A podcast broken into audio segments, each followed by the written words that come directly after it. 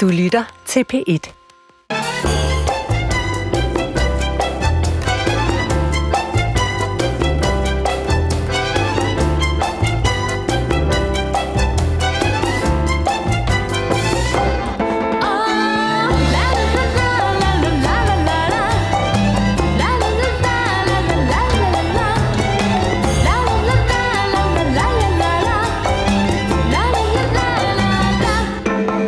Sidder mikrofonen fast? Ja, Nielsen? den var lidt lagt ned. Det må du Det godt. undskylde. Jamen, du skal, jeg skal ikke undskylde Nej, her. okay, så ikke Øh, undskyld. Thomas Høgh Henriksen sagde lige før, at Adam var klar i studiet med 4. division. Øh, Jeg hedder ikke Adam. Nej. Jeg vil ønske, jeg hedder Adam. Mm, det er et godt navn. Det er et sindssygt flot navn. Det var det første. Det er det første navn. Mm. Flot Nej, det var Eva. Okay, Åh. det var sådan, det var. Undskyld.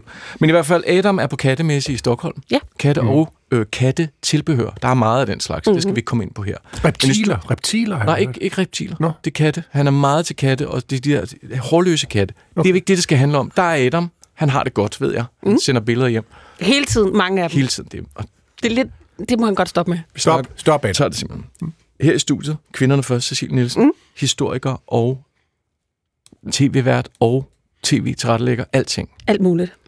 Og Michael Jalving, historiker, journalist med meget, meget mere. Nej, vi aftalte, at du skulle præsentere mig som Kejser. kejser. Kejser. Kejser. Jamen, vi kan der er jo grænser for, Jo, jeg meget- identificerer mig som kejser i dag.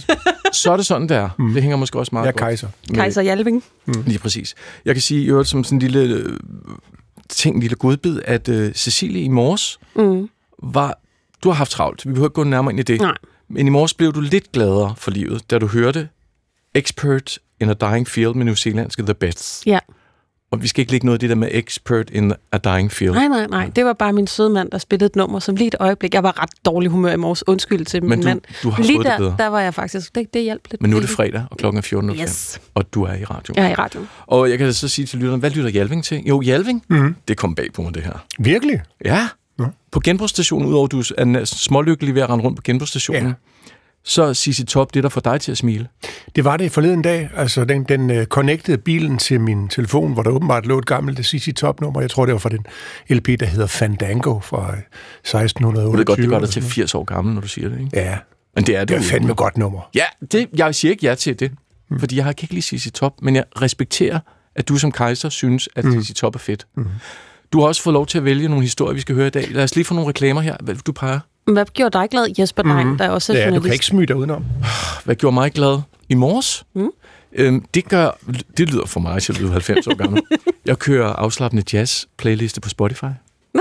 Så bliver jeg sådan helt rolig. Ja. Mm. Så kan børnene få lov til at snakke og diskutere og skændes. Og... Men Nej, det kunne jeg skulle prøve det. Helt instrumental, ikke noget sang. Nå, Så du skal okay. ikke lytte efter, bare instrumental. Ja. Det gør mig faktisk lidt lykkelig om morgenen. Mm. Nå, den her udsendelse varer to timer. Slutter kl. 16. Mm. Det er fredag. Cecilie Nielsen, hvad har du med? Bare et par overskrifter. Ja, øh, ja, i time 1, der har jeg øh, Stilettens øh, kulturhistorie med. Seriøst? Ja, ja. Ej, øh, det er noget Ron DeSantis, som øh, måske, måske ikke går i det, der hedder elevatorsko. Det skal vi have afgjort. Det bliver fedt. Øh, time 2, der øh, skal vi snakke om øh, den her nye Napoleon-film, der kommer. Glæder mig så sindssygt. Ja, vi skal snakke om, om øh, historisk korrekthed eller ej. Nå. Det bliver også sjovt. Okay. der blev du lidt mere Jo, forbeholdt. det er mere, fordi det er Joaquin Phoenix, og det er Ridley Scott og sådan noget, men jeg kan da forstå, at historikeren har en eller anden Nej, for nej, jeg vil forbehold. bare godt snakke lidt om det. Jamen, det er fedt. Mm. Hvad siger den anden mand? Jamen, vi skal, tro det eller ej, en tur ind i ballettens magi. Jeg har aldrig følt den. Jeg har prøvet i mine unge dage. Jeg har også været kæreste med en, der dansede ballet. Men jeg fatter ikke ballet. Jeg synes, det er noget fims. Og for Sagde at give mig... fims? Ja, jeg sagde fims. Det er et udtryk fra 80'erne, ja. som jeg gerne vil slå et lille slag for. Ja, nå, okay. At Jeg har så øh, inviteret en gæst ind, som skal fortælle mig lidt om, hvorfor ballet faktisk er rigtig cool. Fedt. Anden time, der kigger vi på bogen som genre. Hvorfor er det, den overlever, trods tidens tand og digitalisering og alt muligt andet? Hvordan kan det være, at øh, ja, forfattere, det skriver, det er jo klart, men alle mulige kulturpersonligheder mm. også gerne vil ses i bogformat, politikere lige så.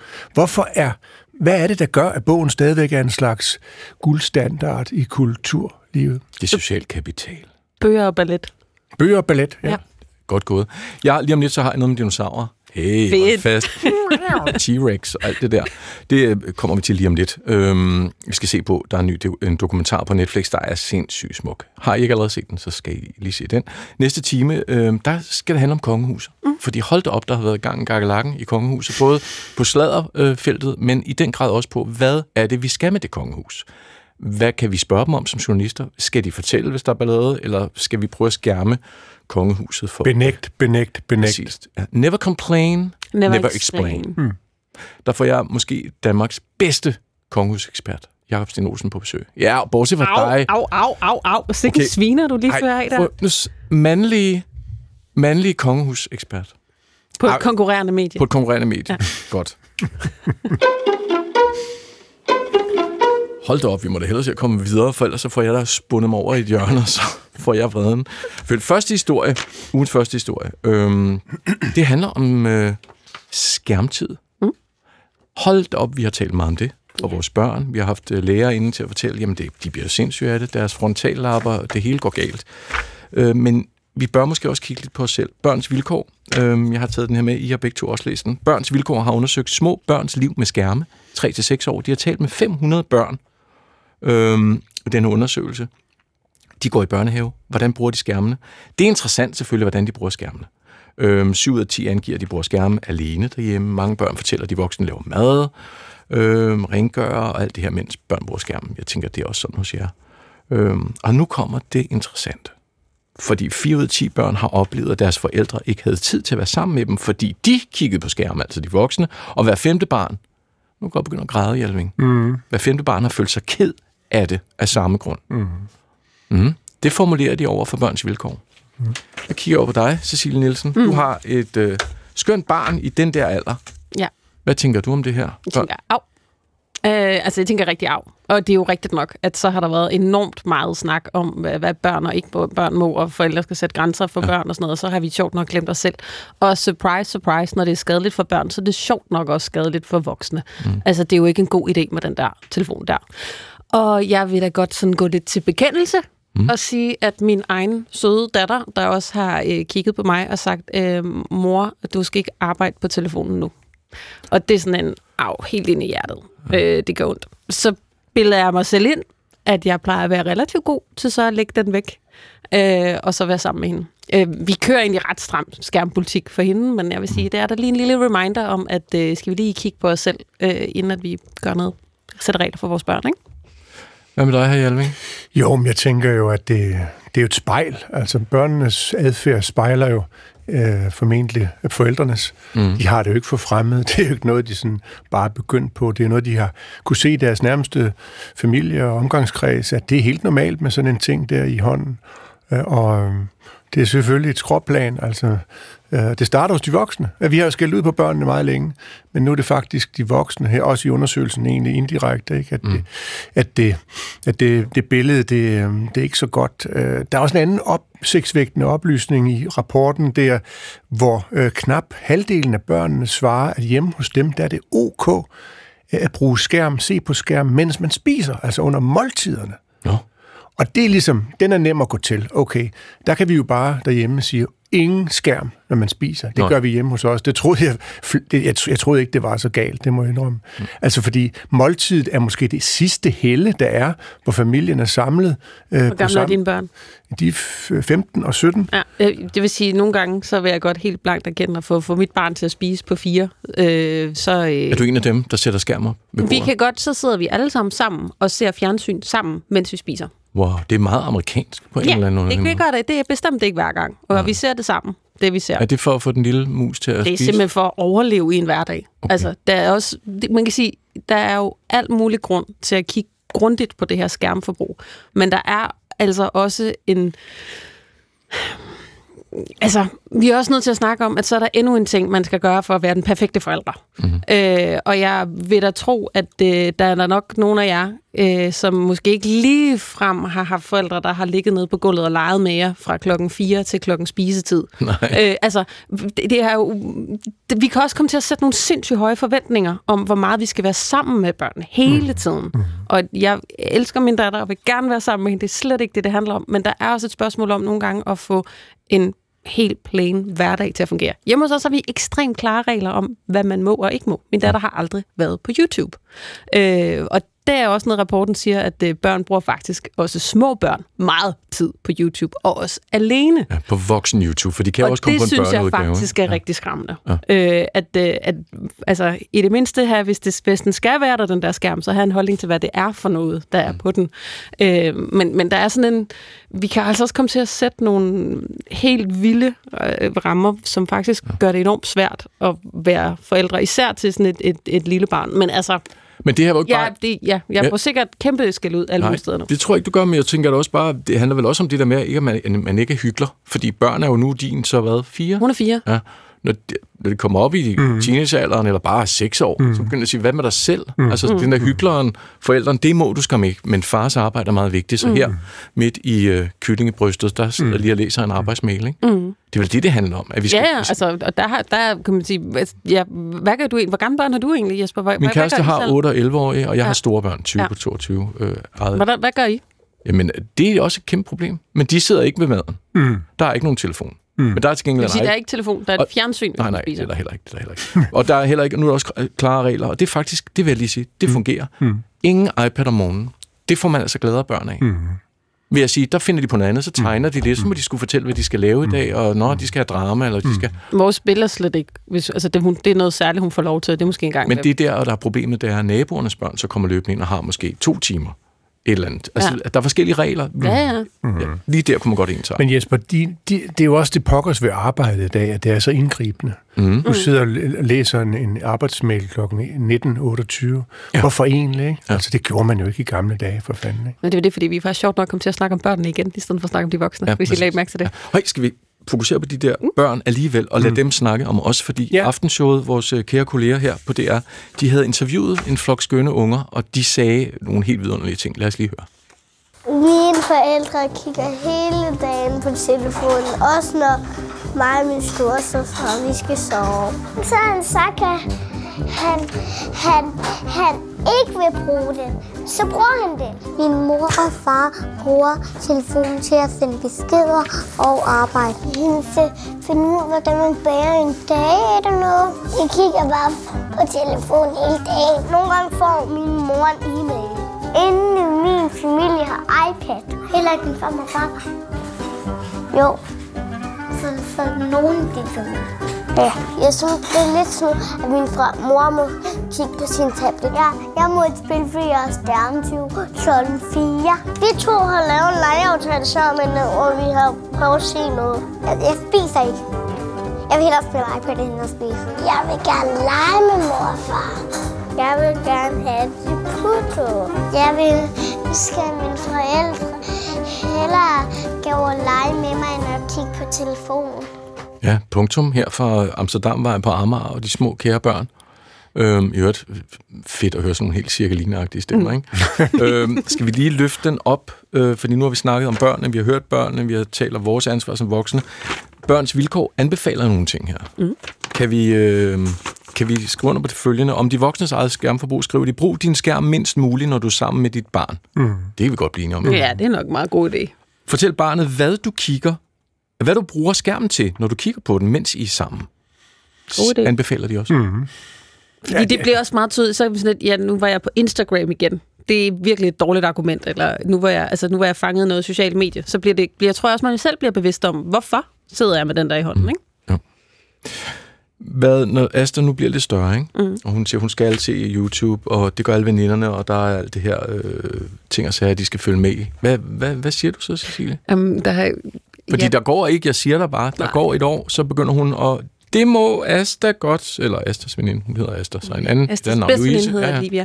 Øh, nej, men altså, man kan sige, øh, jeg er jo så, der rammer du der, at jeg er vokset op i en familie, hvor at, øh, selvom alle de andre fik lov til at se alle Disney-filmene, så øh, sagde min mor, du får ikke lov til at se Disney. Oh, hvad? Øh, så der, øh, der, lige der, der er jeg nok sådan lidt, om det må du bare ikke.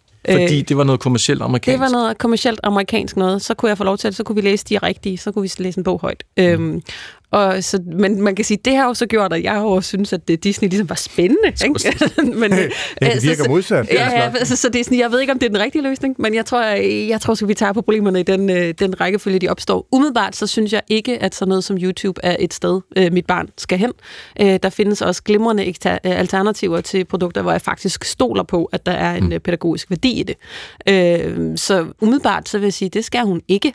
Øh, men det skal jeg da lige snakke med min mand om også. Ja, han skal også have noget at sige. Han må godt være med til at bestemme også. Det er også hans barn, ikke? Hjalving, skal vi sådan mm. lave regler, tænker du, så vi sådan er, altså, vi sådan er sidestillet, sådan, så at på gaden er der ikke tre børn, der gør et, og fire, der gør noget andet? Nej, vi kan jo ikke lave regler for den slags, men vi kan jo godt øh, som børns vilkår opstille nogle gode råd og de er meget håndgribelige, og de er jo ikke sådan illusoriske eller idealistiske, de er faktisk ret realistiske. Mm. Der skal måske ikke så mange ændringer til, før at vi gør det lidt nemmere at være barn, og også lidt nemmere for os selv, fordi det der arbejde er så pokkers indgribende, øh, og vi er dårlige til at sætte nogle skotter op imellem øh, altså arbejdsliv og privatliv.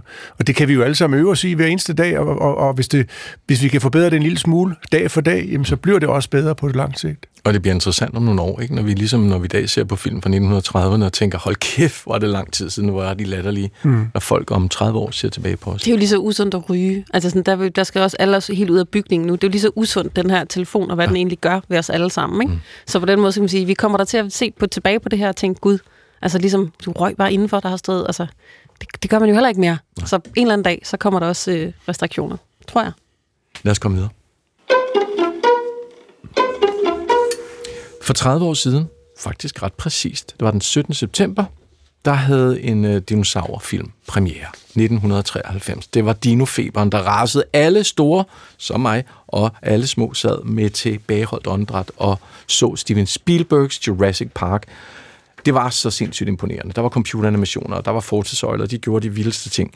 Og det er indiskutabelt en af mm, øh, ja, hvad kan man sige, film-franchise-succeserne her øh, i hele verden. Og nu 30 år senere, der er Spielberg og company klar hans hold af special effects folk, øh, dem der, der hedder, hedder Industrial Light and Magic, dem der også laver alle mulige fine stjernekrigsfilmer det der, de har lavet en dokumentarserie, kalder de det, på Netflix, om livet på jorden, dengang for mange, mange millioner år siden, eller som jeg godt kan lide at sige til dig, Cecilie, i meget, meget gamle dage. Mm.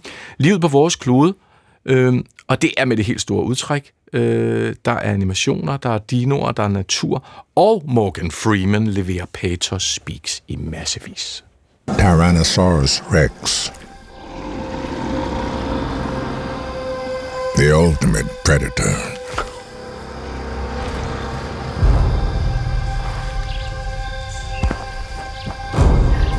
She has her two youngsters with her. Shit, en bass, han har med. Du kan godt begynde at øve dig. The siblings are faster than their mother.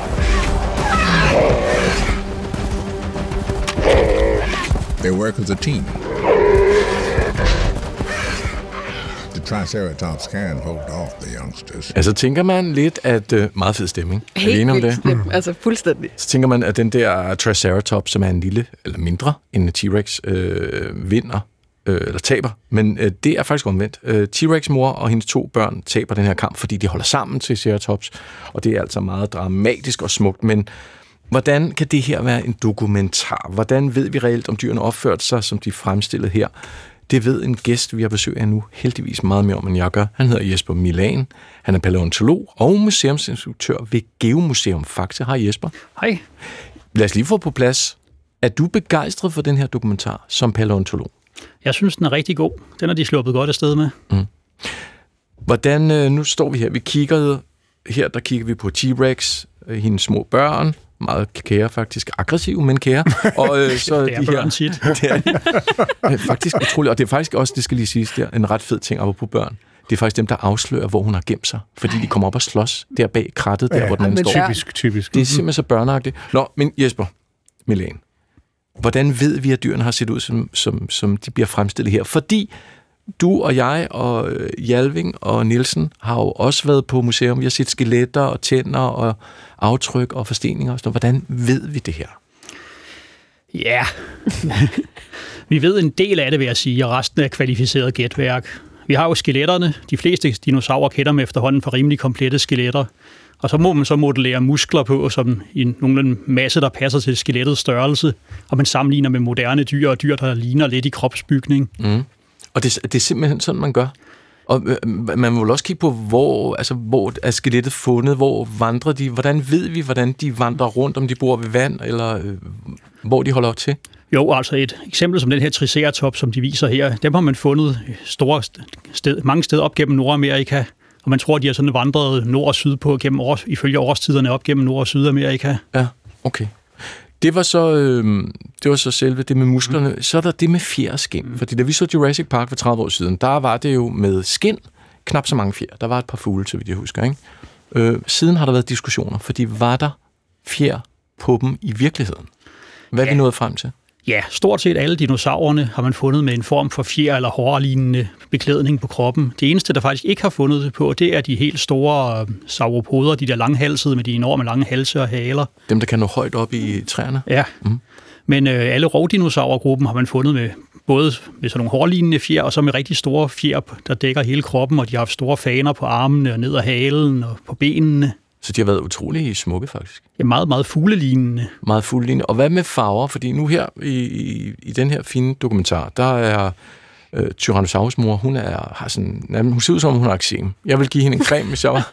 Hun ser ud som rød eksem i ansigtet. Hvordan ved, ved vi om farver på dinosaurerne? Det er straks noget mere besværligt. Der er fundet ganske enkle, meget, meget velbevarede skeletter, hvor der så at sige er bevaret aftryk af huden, og der har man også fundet rester af farvepigmenter i, i de her aftryk, eller man har fundet aftrykket af farvepigmenterne. Ah, ja. Og farvepig, det, der giver forskellige farver, har forskellige former. Det er ekstremt små, fine strukturer, vi kigger på her, som skal kun bevaret i meget, meget sjældne tilfælde. Men man har fundet nogle dinosaurer, der kunne rekonstruere farverne på dem. De har haft sådan lidt øh, brunlige på ryggen og lysere på maven.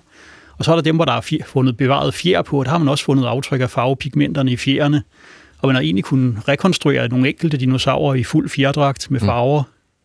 Nu hørte vi øh, i klippet her, hørte vi dem øh, give lyd og give hals, og det er jo selvfølgelig mere dramatisk, det er øh, mere fascinerende, når de larmer. Mm. Hvad ved vi egentlig om, hvad sådan en det er sådan en Tyrannosaurus med de små arme, når hun kommer løbende ud af et buskage. Sagde hun noget, eller hvad? Hvordan kan vi vide det? Hvis den havde været en, bare en nogenlunde intelligent jæger, så havde den ikke sagt noget, når den skal prøve at overraske et bytte. Det er måske en pointe der. Nu kommer jeg! Pas på, det, det, er ikke, det er ikke nogen god jagtstrategi at starte med at stå og brøle og sige det, man Meget sulten Tyrannosaurus. Pis også, det ja. virker ikke. Nej. Men det ved vi ikke noget om. Det er fordi, hvad kigger vi på der? Øhm, der har man kigget på, øh, ja, fordi det, der, der laver alle lyde, så at sige, det er bløddel i din hals, og det ja. bliver ikke forstenet stort set. Okay. Der er fundet nogle enkelte rester af noget, der kunne ligne lidt for, forbenede struberester hos nogle dinosaurer. Det ligner lidt det, man ser hos fugle og krokodiller. Mm.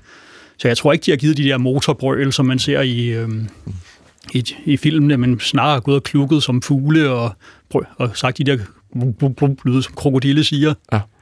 Sådan, altså paleontologi som, sådan, som fag, hvornår opstår det egentlig, og hvornår i alverden finder man overhovedet den første knogle, hvor man tænker, det her er godt nok for stort til at være noget, vi kender? Jamen, det er helt tilbage fra 1700-tallet, at, at lærte har undersøgt de her mærkelige forsteninger. Man har fundet sten af, af, af havdyr langt op i bjergene, og der er fundet kæmpe store knogler, som man ikke tydeligvis kunne se, det var knogler for nogle dyr, men de passede slet ikke til noget, man havde, der levede i verden i dag. Jeg tror, det er på den måde mange af de her myter om drager og kæmper er opstået rundt omkring i verden. At man simpelthen har stået med nogle knogler, hvor man har sagt, jeg synes, jeg har læst et sted, ja. at der har været nogle af de første knogler, som man oprindeligt tolket som, som kæmper. Altså Netop, menneskekæmper. Ja. ja, altså fordi man har fundet knogler, som ligner knogler, men de er bare halvanden meter lange, ikke? Og så er det jo, når man sammenligner op, det ligner der egentlig en overarm hos en menneske, den her, så har man set, så må det jo være en kæmpe. Rimelig skræmmende. Den her forskning, øh, hvordan udvikler den sig? Jeg gætter på, øh, der må, der må ligesom alle andre steder være fremskridt hele tiden, og finder man nye ting osv.? Jo, altså den har gået meget fra at være ren beskrivelse af knogler og ren sådan morfologi, så at sige, til alle de her moderne teknikker med DNA og isotoper og atomer og alle mulige nye analysemetoder, der har gjort, at man kan ved at tage små prøver af emaljen fra en dinosaurtand, kan man se, hvad den har spist. Har den spist overvejende fisk? Har den spist overvejende kød? Har det været en planteæder? Alle de her nye, meget højteknologiske analysemetoder giver os et virkelig godt indblik i det. Hvis man så skal danne sig et overblik over, hvor stort kildemateriale egentlig er, altså hvor mange dinosaurknogler har, har vi i Europa, eller i, måske i hele verden, jeg ved ikke, hvor man ser studerer sådan noget henne. Altså, hvor stort og omfangsrigt er kildematerialet? Det er efterhånden rigtig, rigtig stort. Altså nogle steder har man jo fundet tusindvis af dinosaurer liggende sammen i områder. Okay. Andet. Op, Hvor- op, i, op i Nordamerika har man fundet mange, mange Mhm. af dem, og i Kina finder de rigtig meget for tiden, og der er også områder i Europa, hvor der ligger rigtig mange dinosaurskeletter. Det er bare også Danmark, der er rigtig, rigtig dårligt stillet på det punkt.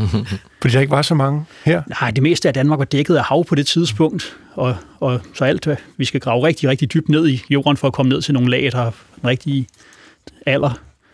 Så, men det er kun lige på Bornholm i Danmark faktisk, vi har fundet nogle rester af dinosaurer. Så man sidder ikke kun og altså, øh, teoretiserer på baggrund af, af, af, lad os sige, 10 skeletter. Det, det, det er tusindvis af skeletter, eller hvor For, meget? for nogle arter af dinosaurer, ja. Altså Ja. en som Tyrannosaurus rex kender man tæt på 100 skeletter af Okay. efterhånden i mere eller mindre komplet stand. Ja. Jesper, sådan noget som Jurassic Park, som altså var 30 år siden, hvad, hvad har det betydet for faget? For Jamen. dit fag? Blandt andet er jeg begyndt på det. Okay.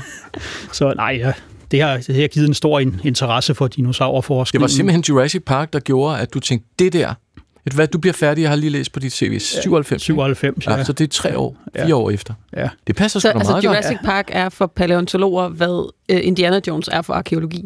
Øh, ja, stort set, Ja. ja. Og så tror jeg, at den har, den har provokeret meget ny forskning også.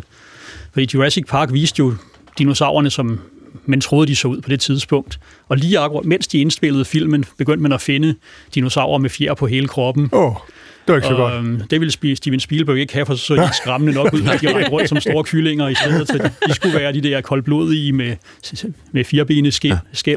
Jeg kunne godt tænke mig, du, nu spurgte Hjalving lige før med det her med, med Danmark og, og fund. Du siger, at Bornholm finder man noget.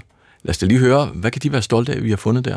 Når det er det eneste sted, stort set i Danmark, der var dinosaurer i gamle dage. Jamen, der er faktisk fundet rigtig en del rester efterhånden fra flere forskellige tidsperioder. Vi har blandt andet nogle af verdens ældste dinosaurer, finder vi rester af på Bornholm. Verdens ældste simpelthen. Nogle af de første dinosaurer i verden har vi fundet derovre nogle, lige fra starten af det, der hedder juratiden. Der er nogen, der er ældre end det, men øhm, i, i skandinavisk sammenhæng har vi nogle af de allerældste derovre fra. Hvad er det for nogen? Ja, godt spurgt. Det er faktisk ikke engang publiceret officielt endnu, Nå, men øhm, har, de, I kender de her langhalsede Ja. dinosaurer, sauropoderne, Ja. tordenøglerne. De venlige, meget venlige Ja, dyr. meget venlige, hvis man ikke står i vejen for dem. Er det lige det? Ja. Ja, der er en gruppe af dem, som man har kendt fra hele verden. De har været kendt fra det, der hedder midt, midten af juratiden for cirka 150 millioner år, eller 170 millioner år siden, og så til i starten af kridttiden. Der er en gruppe, der hedder Turiasaurer, og den er, har man, troede man, man havde rimelig godt styr på. Pludselig er der en amatørgeolog over ved Hasle på Bornholm, der finder en tand, som helt tydeligt stammer fra sådan en Turiasaur. Den er bare 17 millioner år ældre end noget kendt fund af den her type dinosaur. Pis. yep. Og du siger, men så ikke var plante, plantet? Planteæder, ja. Okay, så det er ikke sådan en tand, som vi ser for os. Det er ikke en hajtand. Nej, det er sådan en stor skovlformet ja. tand, god til at rive blade af med. Men Milan, du blev inviteret ind, fordi vi skulle høre lidt om, hvad ved vi om det her? Det ved vi så lidt om Mm. nu. Vi har en, den dokumentarserie, vi har en Morgan Freeman, der, der speaker det hele. Er, er det okay, at der bliver lavet sådan nogle dokumentarer, øh, sådan set med faglige øjne? Kan vi bruge det til noget? Ja, ja, og især når de laver dem så sobert som i den her tilfælde. De, Og så flot, synes det er jeg. Flot, ja. Det, er Ja. Jo, det, er jo, det gælder om at gøre så mange folk som muligt interesseret i det her fag, og det er sådan nogle serier, der er med til det. Godt. Så en klar anbefaling, hører jeg, Milan. Den kan anbefales. Det er godt. Bortset fra, at der er én ting, du synes er irriterende. Ah, jeg synes måske, Morgan Freeman er lidt for dramatisk men, øhm, men det må det- man tage med. Det tror jeg, man må tage med, når det er Steven Spielberg og Amblin ja. Entertainment, der står bag. Jamen, øh, Jesper Milan, tilbage til Faxe og Geomuseum. Tak fordi du kom. Tak. Paleontolog og museumsinspektør. Du lytter til 4. division. Det er fredag. Det er den 10. november, og her sidder Cecilie Nielsen Ja, det gør og. Michael Jalving. Mm-hmm. Og jeg står her som vikar for Adam Holm. Jeg hedder Jesper Dein. Cecilie? Mm-hmm. Eller det er faktisk Jalving, Det er jeg skal min kigge tur, på. ja. Det er, jo, det er jo kun i 4. division, man kan springe fra for, for, for, forhistorien og dinosaurerne til noget så fint og moderne som ballet. Men det er det, vi skal nu. Og velkommen til dig, Anne Milbo Christensen. Tak skal du have. Du er kommet i studiet, og du er normalt øh, øh, balletanmelder på Dagbladet Information. Du er inviteret ind, fordi jeg er lidt af en dinosaur, når det gælder ballet. Jeg har forsøgt at øh, stige på. Jeg har set en hel del Øh, jeg er aldrig rigtig blevet fænget af det. Men jeg kan jo læse mig til og følge med i, at det går rigtig godt for den kongelige ballet. Der har været visse skandaler undervejs, dem skal vi ikke tale om her. Der er stadigvæk masse nye forestillinger, der er gode anmeldelser, og der er et publikum, som er vedholdende, og det er faktisk svært at få ballet en gang imellem. Lige for tiden spiller det kongelige den invasion af Dantes øh, guddommelige øh, komedie med fokus på helvedet, tror jeg nok, det er. Øh, Så hvis man øh, trænger til et lille øh, ballet, kunstnerisk indblik i, hvordan helvedet kan se ud, så er det ind og se den forestilling. Jeg ved ikke, om jeg selv kommer ind og se den. Det kommer lidt an på, hvordan det går de næste 10 minutter med dig. Fordi du har lovet mig et Det er noget crash job. kursus i ballettens magi. Altså i mine øjne er ballet jo sådan lidt, det er lidt fimset, som man sagde i 80'erne. Det er lidt fersk. Det er sådan lidt esoterisk. Det er, um, jeg kan ikke rigtig stige på det. Det er nogle mænd og nogle kvinder i nogle stramme gevanter. Men hvad, altså, hvad går det egentlig ud på? Og det har jeg lyst til at spørge dig om. Hvad går ballet egentlig ud på? ballet går ud på at spejle sig i nogle kroppe, som er helt vildt smukke, skønne, musikalske og vildt erotiske. Mm-hmm. Og det tænker jeg jo, altså hvis du tænker, at ballet er fersk, øh, så tror jeg, du har set noget forkert. Mm. Altså, øh, grundlæggende så er balletten jo en kunstart, hvor man bruger kroppen til at udtrykke alle følelser. Øh, og så er det jo klart, der vil være nogle mennesker, som synes, at det er federe det med ord. Du er måske bare en ordfreak, der ender i teateret, hvor der er replikker, hvor de taler. Du synes, det er en lettelse, at de taler. Men man kan også have det sådan, at man tænker, at det er virkelig, virkelig fedt at øh, der er nogen, der lukker munden og bare udtrykker sig med kroppen. Øh, og så må man sige, at balletten er jo altså en skønhedskunstart. Øh, det øh, øh, har faktisk sådan historisk været svært for den at kæmpe sig igennem. Den er 500, næsten 500 år gammel som kunstart, men den har jo sådan ligget lidt under for øh, øh, kristendommens syn på, at ånd var det vigtigste. Der kommer dine ord ind igen, mm-hmm, uh, mm-hmm. fordi der er det meget tydeligt, hvad det er. Øh, og så den der krop, som jo var erotisk og forbudt, og som ikke måtte blive eksponeret. Så, så det har jo været en, en virkelig en brav kamp, blandt andet for August Bournonville, som var den her danske koreograf, der lavede Sylfiden og Napoli, at Folkesamsen, skrev en masse ting og arbejdede virkelig for, at balletten fik plads på det kongelige teater, fordi han ville have folk til at forstå, at det her det var altså en åndelig kunstart, udført af kroppen. Mm. Så der er altså mere guf i det, end ja, umiddelbart ja. tror. Okay, det medgiver jeg. Men hvis vi så øh, bliver på mit, min banehalvdel og siger, hvad, hvad så hvis vi sammenligner ballet med boksning, eller med speedway, eller med cykelsport, eller med ja, fodbold, som er mere populært? Altså, der har du jo også kroppe. Og der har du efterhånden også et helt kommentatorpanel, som forlener sporten med noget åndeligt, i hvert fald inden for cykelsport, som jeg ved en lille smule om. Altså, hvordan skiller, kan man overhovedet sammenligne boksning og ballet? Ja, eller jeg vil ikke hellere så tage cykelsporten. Mm. Nu er du vild med den, og mm. jeg er faktisk selv vild med Tour de France. Jeg mm. sidder der hver sommer mm. og kigger på de der sådan, så fuldstændig vanvittigt udholdende kroppe, som bakser op og ned af de der bjerge. Øh, og så holder jeg mig for øjnene, hver gang de styrter, for mm. det kan jeg ikke lide. Nej. Nej. Men øh, øh, det er jo en konkurrence. Det er sport, det er kunst. Det handler simpelthen bare om at være den sejeste. Holde længst ud og være den, der ikke skvatter i det der grus eller i, i regnvejret, sådan som man kommer først i mål. Mm. Det er jo sådan meget enkelt, kan man sige. Fysisk som udtryk, så bekymrer det mig lidt nogle gange, at jeg tænker, gud, de her kroppe, altså når de skal ned af cyklen igen efter sådan 16 timer, eller hvor meget det nu tager, mm. de kan jo næsten ikke folde sig selv ud. De har kun siddet i en position, og så kører lovene ellers bare. Mm. Altså, øh, og ballerne støtter med, og armene, de, øh, de sørger for, at de ikke, de ikke øh, falder af styret. Mm. Men det er jo sådan meget, øh, meget statisk øh, udtryk for resten af kroppen end benene. Og jeg elsker at se kroppe, som bevæger sig i alle mulige retninger. Ja. Altså som, og som bruger øh, øh, musik som baggrundslyd. Øh, øh, lyd. Ikke bare regn og blæst og hugen fra folkemasserne, som de gør det i cykelsport, men altså musikken til at udtrykke en masse ting. Så jeg nyder jo, at nogen faktisk kan udtrykke noget med nakken, eller i håndledene, eller på bagsiden af knæene, som jeg ikke havde vidst før. Mm. Jeg kan godt måske lidt være med på, på Hjalvings hold i forhold til det. Jeg kan godt synes, det er lidt svært så at decifrere, hvad det er for nogle følelser, de der kroppe udtrykker. Altså, jeg er heller ikke så god til det. Jeg har det med ballet, som at jeg vil så godt, jeg vil så gerne kunne finde ud af det. Men jeg tror, det er, altså, den, jeg tror næsten den sidste slash eneste balletforestilling, jeg har været inde og se, det var dengang det kongelige lavede øh, B for Balanchine, øh, for, jeg ved ikke, mange, mange år siden, øh, som netop ikke var Bournonville, Ville, som de ellers er enormt gode til at danse. Og det synes jeg faktisk var helt vildt fedt. Men det var også noget med noget, altså der var nogle formationer og nogle farver i nogle dragter og noget, som jeg kunne ligesom på en eller anden måde der var noget form. Det var ikke så følelser. Det var ikke så en fortælling. Det var noget andet. Øh, jeg synes godt, det kan være svært at afkode de der følelser. Altså, er der sådan en håndbog til at forstå en balletfølelse? Hvad betyder en pirouette? Eller hvad betyder er der ligesom, Kan man lære noget? Er der sådan noget basal viden, man skal vide, inden man går ind og ser ballet? Øh, jeg vil hellere bruge den ene regel i håndbogen, som hedder tro på dine egne øjne og din egen krop. Fordi den energi, danserne sender ud, den kan du mærke i din krop. Og enten bliver du revet med af den, eller også bliver du sådan ligesom kold over for den. Men, men, men, men der kommer et indtryk, som, som, som sætter sig i, i, i din krop. Det, du har set Balanchine, det er sikkert nogle af de balletter, som er blevet skabt i 1970'erne, øh, hvor man ligesom gik imod. Det skulle ikke handle om altså sådan nogle historier, kærlighedshistorier eller eventyrhistorier eller sådan noget. Det var bare ren dans. Mm-hmm. Og det vil sige, at kroppen udtrykker musikken. Fuldstændig ligesom hvis du har nogle, en rockkoncert, hvor du har nogle musikere, yes. som står og jammer fuldstændig ud ved siden af. Mm. Og det kan være, at det er det, du der har tændt det, på. Det forstår jeg. Ja, at du vil ikke have eventyr og prinsesser og diademer og alt det der. Du vil bare have kroppene. Øh, men så bliver jeg jo lidt nysgerrig, fordi jeg har faktisk taget en lille ting med herind. Nu er det død ærgerligt, der ikke er billede på i radioen. Mm. Så må du beskrive. Mm. Og det, jeg beskriver, det er en lille bitte gadget. Det er en øh, mikroballetsko. En tosbesko lavet i satin. Om på bagsiden kan man se, at øh, øh, solen den når ikke engang ud til tæerne og hælen. Det er det, der er princippet i tosbeskoen, at man kan simpelthen mærke øh, øh, øh, gulvet eller scenegulvet. Og så er hele ideen jo altså, at man stiller sig op på det yderste tosbeskoen. Og så laver man sådan en lyd, jeg ved ikke, og det den, dun- den, den dunker her, men ja. den klikker ude i virkeligheden.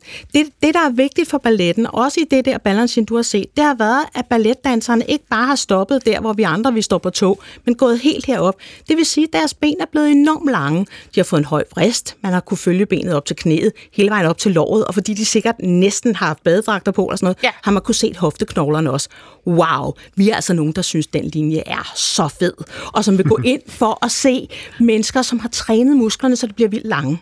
Til sammenligning kan man sige med fodbolddrengene, hvis mm. vi stillede dem op bare på almindelig halv tog, eller bare på flad fod, mm. så vil vi jo se, at de har trænet deres muskler til at vride øh, øh, knoglerne, sådan så de bliver hjulbenede, fordi det er sådan, at de, de, de sparker mest effektivt. Så på den måde, det man træner rigtig meget, afspejler, hvordan kroppen kommer til at se ud. Mm. Men altså, tosbesko-dyrkelsen, den kan man ikke undgå i balletten. Så ryger man over i den moderne dans, mm. som smed tosbeskoene, fordi de var trætte af det her og synes det var indespærring. Ja, men Anne Middelbo, så er der det der med fortællingen, fordi det, det som du også ret må jeg tage fejl, angriber det der med, at det er svært at følge med. Fordi ja, hvor ja. er det, altså det, det, nogle af dem, nogle af Nødeknækkeren, Svanesøen, alle de der, det er sådan rimelig, men, men det er svært at følge med fortællingen i balletten. Er det rigtigt forstået?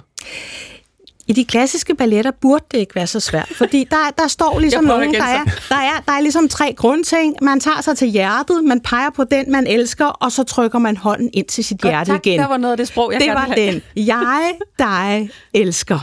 Det er, sådan, øh, det er halvdelen af mime, det vigtige mime. Øh, så det plejer jo at gå øh, undervejs. Det bliver så suppleret af øjne og smil og sådan noget. Mm. Man laver det ikke bare ud i mørket.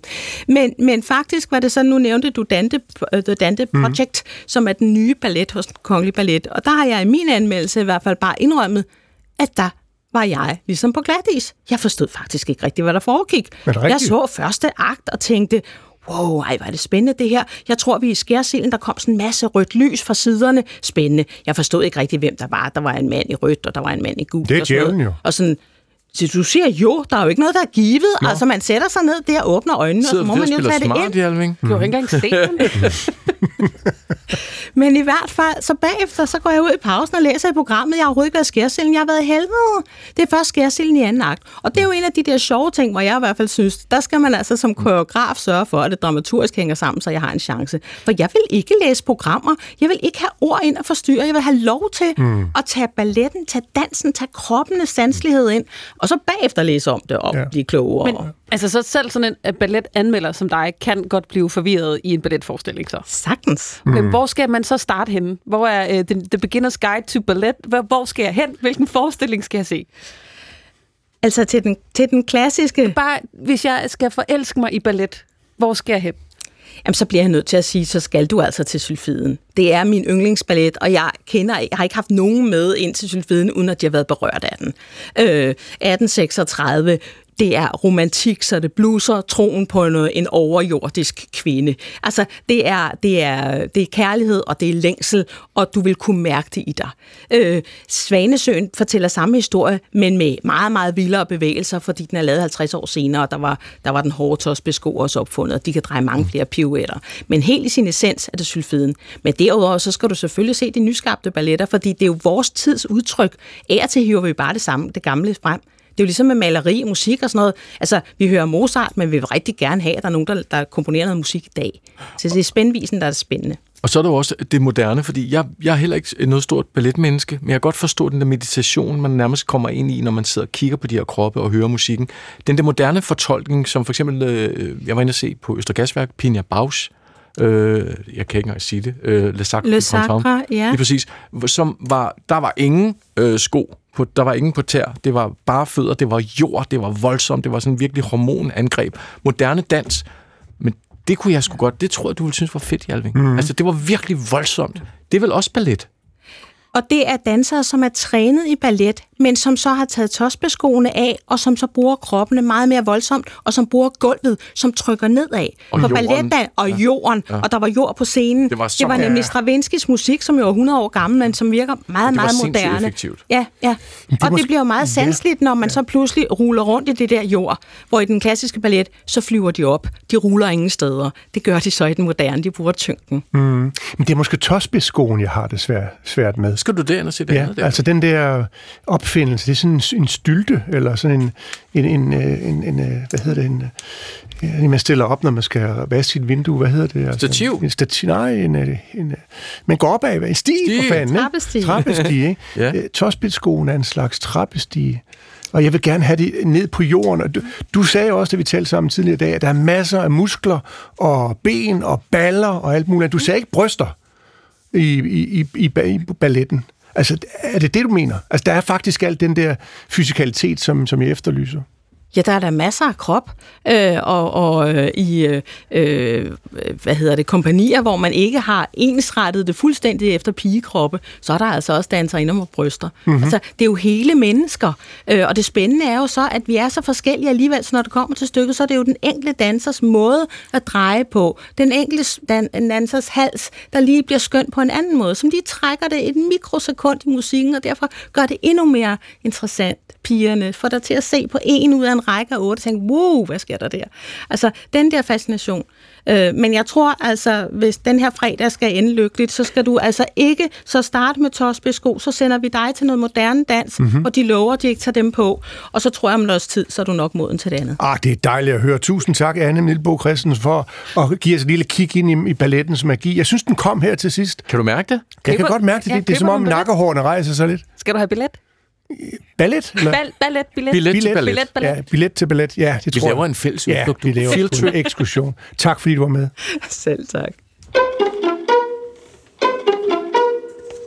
Nå, så er det blevet min tur, og jeg har været en uh, tur langt ude i internettets kroge, hvor der i de seneste år har været sådan en rimelig god, solid spekulation om, hvorvidt Floridas stærkt konservative guvernør, Ron DeSantis, støvler i virkeligheden er en såkaldt elevatorsko.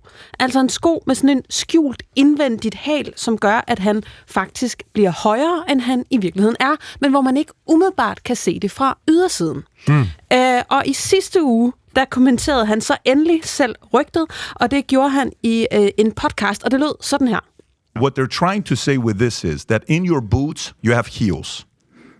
No, no, no. That's yeah, what they're tho- trying tho- to say. those are just standard off the rack um, Lucchese. Um, uh, How, how tall are you? How tall are you, Governor? How tall? 5'11". 5'11"? Okay. Wh- why don't you wear tennis shoes and dress shoes? Uh, I do wear tennis shoes when I work out. Yeah, You do? 100%. Ja, øh, og jeg er godt klar over, at det her på overfladen måske kan virke som sådan en lidt mindre historie, men hvis vi nu dykker ned i det her, så øh, er den her kombi af mænd og højhældede sko faktisk helt vildt interessant. Og øh, det skal vi gøre nu sammen med dig, Vivi Lena. Du er... Øh, Andersen. Du er øh, museumschef på Rudersdal øh, Museum, og så er du også arkeolog, og så har du en Ph.D. i bagagen, som i den her sammenhæng gør dig helt perfekt til at tale om det her. Hvad er det, du har skrevet Ph.D. om? Jeg har skrevet øh, Ph.D. om skoens udvikling, og fordi jeg er arkeolog, så har jeg gravet rigtig dybt, så vi er langt tilbage i tid. Så det er 500 års øh, skohistorie, som jeg har kortlagt. Ja, og jeg vil godt lige understrege, hvor stor en ekspert du er, fordi det er sådan, at hvis man øh, tilfældigvis befinder sig på en arkeologisk udgravning et sted i Danmark, og det har jeg haft for vane at gøre af jer til, øh, og der er nogen, der finder noget, der minder om en sko, så er der altid en eller anden, der siger, øh, ring til Vivi.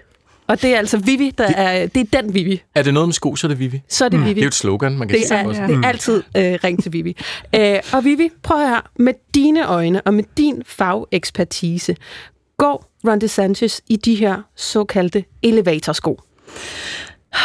Skal vi have en trummevivl? Ja. Mm. Ja, det gør han. Går Og så faker han lyver. den bare. Han lyver. Ja. ja. Og hvad er det ved de her sko, han har på, som gør, at du kan sige, at det her er elevatorsko?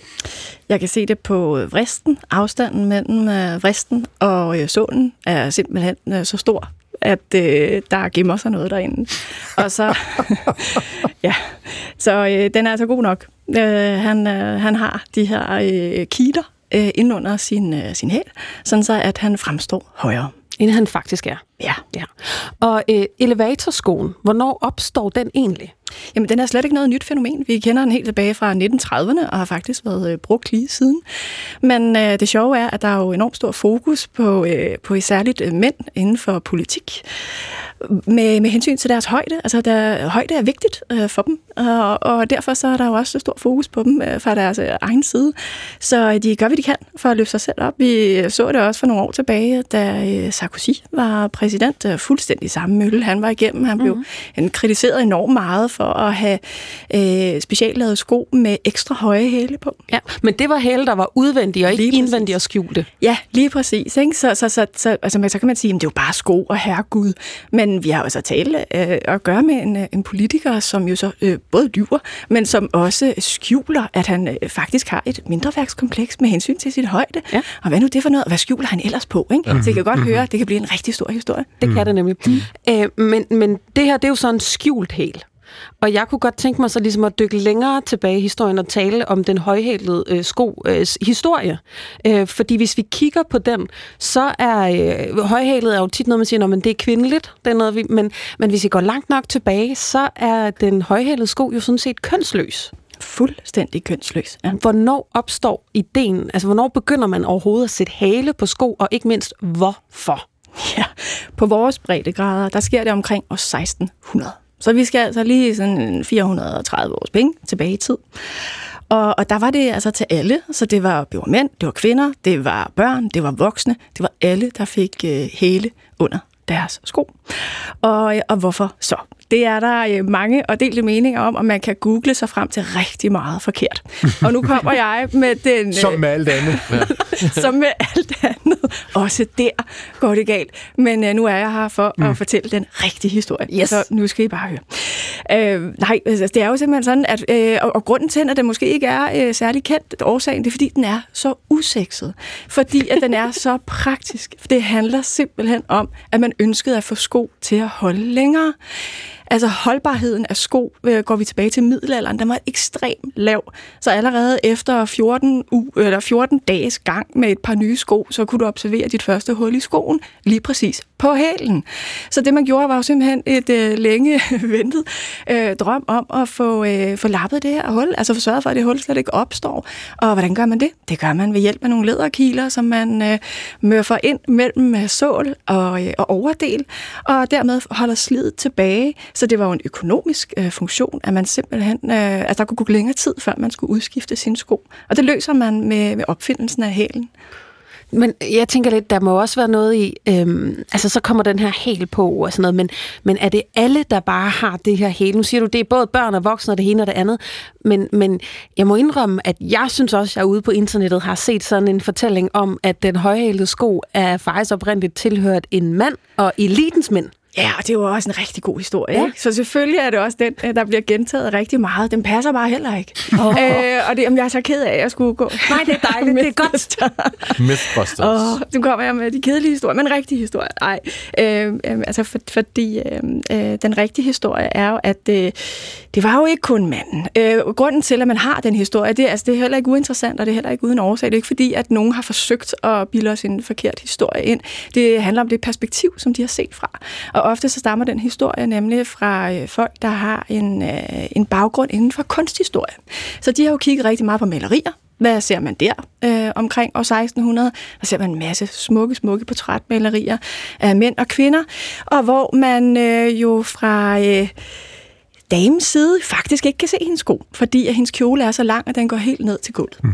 Men herrerne til gengæld, de har en øh, mode, der dikterer, at de skal have nogle øh, volumøse knæbukser på, og de skal have nogle volumøse læge i nogle stramme strømper, som udmunder i nogle super smukke sko. Så derfor var der enormt meget fokus på lige præcis herrenes sko på den tid, fordi kvindernes sko, den kunne man jo slet ikke se, så øh, dem har vi ingen opmærksomhed omkring.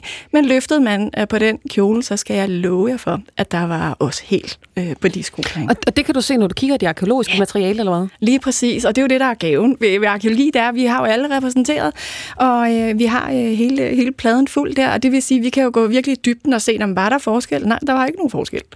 Øh, overhovedet ikke. Jeg har også googlet mig frem til noget, der sikkert også er forkert, men jeg har lavet mig fortælle, at, at stiletten er opfundet i Venedig. Altså, ah, at, ja, at kvinderne oh, skulle historie. løfte, de var åbenbart lave, lavbenet i Venedig dengang, i renaissancen.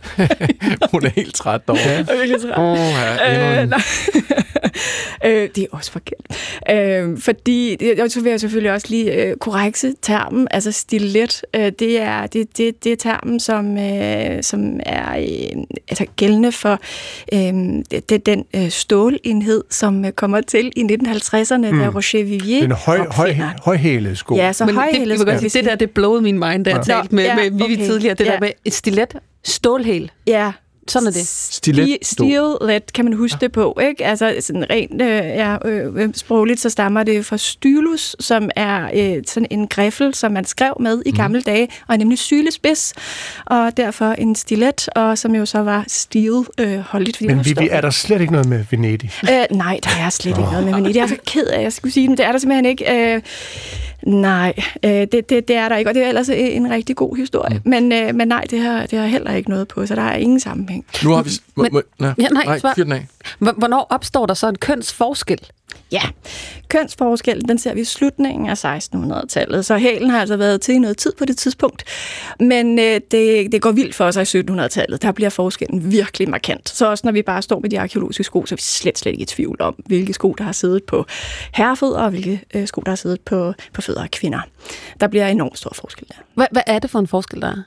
Øh, der sker den forskel, hvis vi tager 1700-tallet, så øh, er øh, herreskomoden, øh, den består af øh, meget tunge sko, og det er meget, øh, altså de, de er meget solide, de er meget bombastiske, de er meget tunge, også sådan rent materielt, og så er det, har de en meget, meget stor, tung, bred hæl, der er lavet en masse, masse lag af læder. Altså jeg har eksempelvis stået med et eksempel på en, en sko, som havde en hæl, hvor hælen alene vejede 800 gram. Altså vi snakker næsten, næsten lige under et kilo wow. hæl. Øh, på, ja, og så kommer resten af skoen oveni. Så bliver man ikke blæst om kul, vel? Nej, det gør man Nå. nemlig ikke, og det er jo lidt det er godt, du siger det, for det er jo lige præcis det, det signalerer. Ikke? Det signalerer, at jeg står fast, mm. og mhm. jeg har, jeg har autoritet, jeg har myndighed, og jeg er ikke sådan at vælte. Så, så her kommer jeg, og jeg tramper mig igennem verden. Ikke? Øh, og jeg her... træner, mens jeg går også. Hold op. ja, men, men det var da faktisk, altså det, det sexede var jo faktisk de her meget øh, volumøse, spændstige øh, ja. Som mænd havde. Altså det var et ideal, så, så det at have de der tunge sko på, mm. det var også et ekstra plus. Men ser vi på kvinderne til gengæld, så er det en helt anden grøft. Skoene var så små og fine og sarte, og, øh, og, lige på, og vejede meget langt mindre. Mm. Og deres hæle, øh, i stedet for de her tunge øh, hæle af en masse lag af læder, så var de øh, skåret lige så fint af træ. Mm. Så det var træhæle, mm. og som havde sådan en meget fint svungen, smal form, som også øh, kunne ligne selve kvindekroppen, som på det tidspunkt jo også var i korset og krinoline og så videre. Mm. Så den mimede egentlig øh, kvindens krop, og, øh, og var jo meget, meget let. Det må Så- hårdt at gå på. det var nemlig også hårdt at gå på, har slet, bestemt ikke noget, man skal øh. Nej. Men øh, så, så det påvirker også hendes måde at gå på. Og det, der var største mode på det tidspunkt, det var nemlig tøfler. Altså, hvor øh, skoen ikke er lukket omkring hælen. Så det vil sige, at i de her tøfler, der har hun jo tabt sin sko, hvis hun skulle løbe, hvis hun skulle gå hurtigt, eller øh, hvis øh, altså, hun skulle foretage sig øh, sådan... Øh, Der har vi jo oprindelsen til Askepot, ikke? ja, ja, Hun det- taber sin, en sko, glas. sin tøffel. Ja, og det, jeg er glad for, at du siger Askepot, fordi det vil jeg da gerne lige komme ind på lige om lidt. Mm. Øh, men det betyder jo faktisk, at det, det begrænser hende jo i, hvordan hun kan bevæge sig. Og det betyder, altså, og grunden til, at det hedder tøffel, det er fordi, man tøffer. Øh, så man kan jo ikke tage lange, solide, myndige Nej. øh, skridt i sådan. Vandretur. Det kunne manden til gengæld. Mm. Og, og nu du siger Askepot, så er der noget, der hedder Askepot-syndromet inden for sko. Og det, det betyder uh, egentlig den umulige sko, fordi der er kun en i verden, der kan passe den, og det er Askepot. Mm. Så, så man gør jo også inden for skomodens verden alt for at få nemlig de her umulige sko, som lige præcis kun du kan bære og mestre og gå flot i. Ikke? Så det er jo også en kunst at gå korrekt i de her sko. Ikke? Mm. Så, så det, der ligger rigtig meget i Askepot-fortællingen, som, uh, som griber dybt i os mennesker. Men et af de der øh, sirlige træsåler, de tunge, nu står vi jo alle sammen mere eller mindre i sådan nogle gummisåler og sneakers. Mm. Så når man er forsker som dig og skriver Ph.D. og 500 års historie om sko, alt andet lige, så er det jo det er blevet fuldstændig udvandet nu. Nu går alle i sneaks. Ja, og det er jo interessant, fordi vi er jo tilbage til, til unisex, ligesom man var i ja. middelalderen. Ikke? Mm. Så vi er tilbage til der, Alle går hvor, på fladfod. hvor vi er ved at udligne, hvad, hvad er maskulint og hvad er feminint. Ja. Ikke? Og, og kan vi se det andre steder i verden? Ja, det kan vi. Og det er jo fordi sko, det hænger sammen med resten af samfundet. Mm. Forsker du stadigvæk videre? Holder du fast i dit område? Man har altså en gang skolog, altid skolog. Skolog? Ja, ikke? Hedder det skolog? Jeg kalder det skolog, så ja. Vi har ikke så lang tid tilbage, men der er simpelthen der, der er en lille pointe, som jeg synes er, er, er ret fantastisk, og det er noget, man plejer, når man taler om altså 1789, den franske mm, revolution, ja. så øh, ved jeg, at du, der plejer man at sige off with their heads. Ja. Du har sådan noget, du mener, man også godt kan sige om Ja. den. Hvad er det, man Ja. kan sige om det? Så når du siger off uh, with their heads, så siger jeg off with their heels.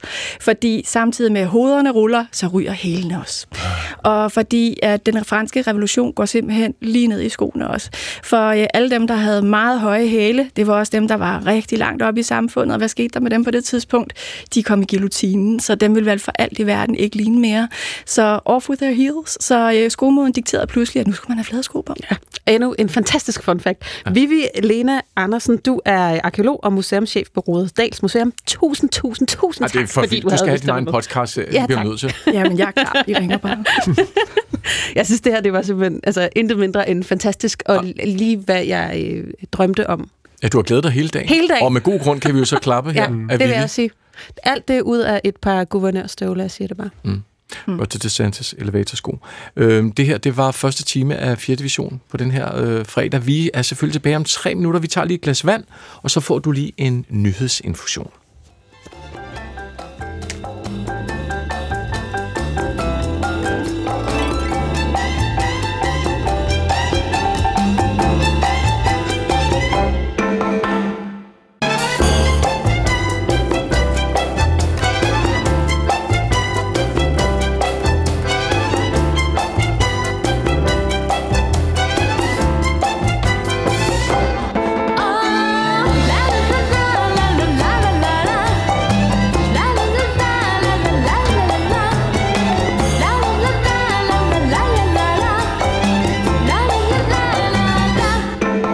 Tror faktisk, der sidder mange derude nu og tænker, den der podcast om sko med Vivi, mm. den må vi have. Ja. Den skal jeg bede om. Ja, ja. Hvis du sidder derude og åbner radio nu efter radio, hvis du tænker, hvad snakker idioten om? Så er det fordi, at i timen før havde vi besøg af en Ph.D. skrivende, som Nej, var, hun havde skrevet den. hun havde skrevet den. Men, Nej, udgivet for lang tid siden. hun var fantastisk. Ja. Så du kan, øh, det kan du høre. Mød hende i podcasten her i eftermiddag kl. 17. Det her, det er 4. division. Det er anden time, vi er i gang med. I studiet, Michael Jalving, Kaiser. Mm-hmm. Jeg bukker. Tak. Cecilie Nielsen. Velkommen til. Tak, tak, tak, tak. Og vi skal... øh, Hold kæft, vi har mange fede historier i den her time. Brrr. Men vi starter lige med ugen kort og godt. Og der kigger jeg over på dig. Ja, og vi skal til noget, som I alle sammen har hørt før, og den kommer her.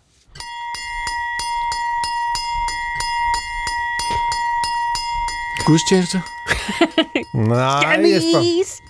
Det er hjemmeis, og den lyd er der i hvert fald mange børn, der kender. Jeg kender den selvfølgelig også fra dengang jeg var barn, og den var efterfulgt af en lyseblå bil, som rullede ind på, på, på gaden, skulle jeg til at sige. Det var en vej, jeg boede på Bølandet, ikke? men den kom mm. troligt helt ud til, hvor jeg boede, og så fræsede jeg min søster ned og, og købte is for alle pengene. Øhm, jeg husker det som om, det var relativt billigt dengang. Det er det ikke længere, skal jeg hilse at sige. Nå. Det har jo noget at gøre med, med samfundsudviklingen i hele taget. Hjemis er ikke længere hjemis, og det er det der er historien, som man har kunne læse i pressen den seneste uge. Så skal hjemis fremover hedde Frost. F-R-O-S-T. Ikke F-R-O-S-T. Frost. Frost. Fordi Frost med O var taget, eller O Ja, eller det tror copyright. jeg. Det var noget med Disney. Disney, der tog den der Det er kun den danske, der hedder Frost, eller så hedder Ja. den Frozen. Oh, Jeg har ikke kunne opklare, hvorfor det skal hedde Frost og staves øh, med, et, med sta- forkert. For, altså, det er stavet forkert, ikke? Det En gang var det Frost. umlaut over det hele, Ja. og tysk, men Ja. nu er det så... Ja. Altså, der står her, at en, en måde at sikre og understrege virksomhedens nordiske ophav. Nå, det er det, de tænker på ja. i P-afdelingen. I hvert fald hedder Hjemmeis, øh, som har heddet Hjemmeis i 47 år, nu noget andet, og det fik mig til at tænke, okay, øh, hvad synes I om det? Jeg synes jo, det er noget underligt noget. Jeg kan godt forstå rationale, som er, at de vil gerne, koncernen vil gerne udvide forretningen til en helårs aktivitet. De vil ikke kun, altså, is sælger man jo som regel om sommeren, at de vil også gerne sælge lasagne og risotto og pizza og alt muligt andet lækkert, og det kan de jo sælge helt øh, årets 12 måneder. Det forholder sig jo sådan, at, at den branche, hjemme i skråstreg frost, de er i, øh, den har boomet under coronaen, for vi alle sammen var derhjemme, ja. og nu er den så på vej ned, og det her er jo så en, en, en, øh, altså en markedsmæssig analyse, som udmyndter sig i, at nu skal de sælge noget mere end is, og derfor kan de ikke bare hedde hjemmeis. Men- Jeg men- synes bare stadigvæk, det er et der er noget kulturarv, der forsvinder. Er, Men- det, er, det, er det skudt helt forbi? Det kommer an på, hvis man ser dem med businessøjne, så kan jeg egentlig godt forstå, at man gerne vil ensrette det visne. Så vidt jeg læser mig til, så er det også, fordi de gerne vil udvide til andre lande. Så bliver hjemmeis lidt... Home ice. Ja, lige præcis. Mm. Og de øh, sydeuropæiske lande, hvor H bliver til noget helt Ja. ja. andet. Jamen, så skulle man jo så ikke have valgt det der O, vel? Nej, Men det er jo også, Nej, fordi er jeg, jeg, jeg er gammeldags. Jeg synes, det er mere en business. Jeg synes også, det, de var blevet en kulturinstitution. så det, du går Irma-vejen, der Ja. hvor folk Ja. flipper over Irma Ja. forsvinder, Ja. så er det lidt der, jeg er vil hjemmeis tilbage. Hvad siger du? Og jamen, jeg tror, jeg synes, at for mig der er deres øh, brandværdi måske ikke så meget navnet, men lyden. Mm. Og jeg var faktisk lidt skuffet over lyden, for jeg vil bare sige, at det, der, hvor jeg kom fra, der ringede uh, hjemmismand, han ringede tre gange sådan, tre, altså ding, ding, ding, og det var mere pause. skinger. Ding, ding, Jeg husker ding. den som mere skinger Så jeg vil bare, altså for mig der er det egentlig lyden.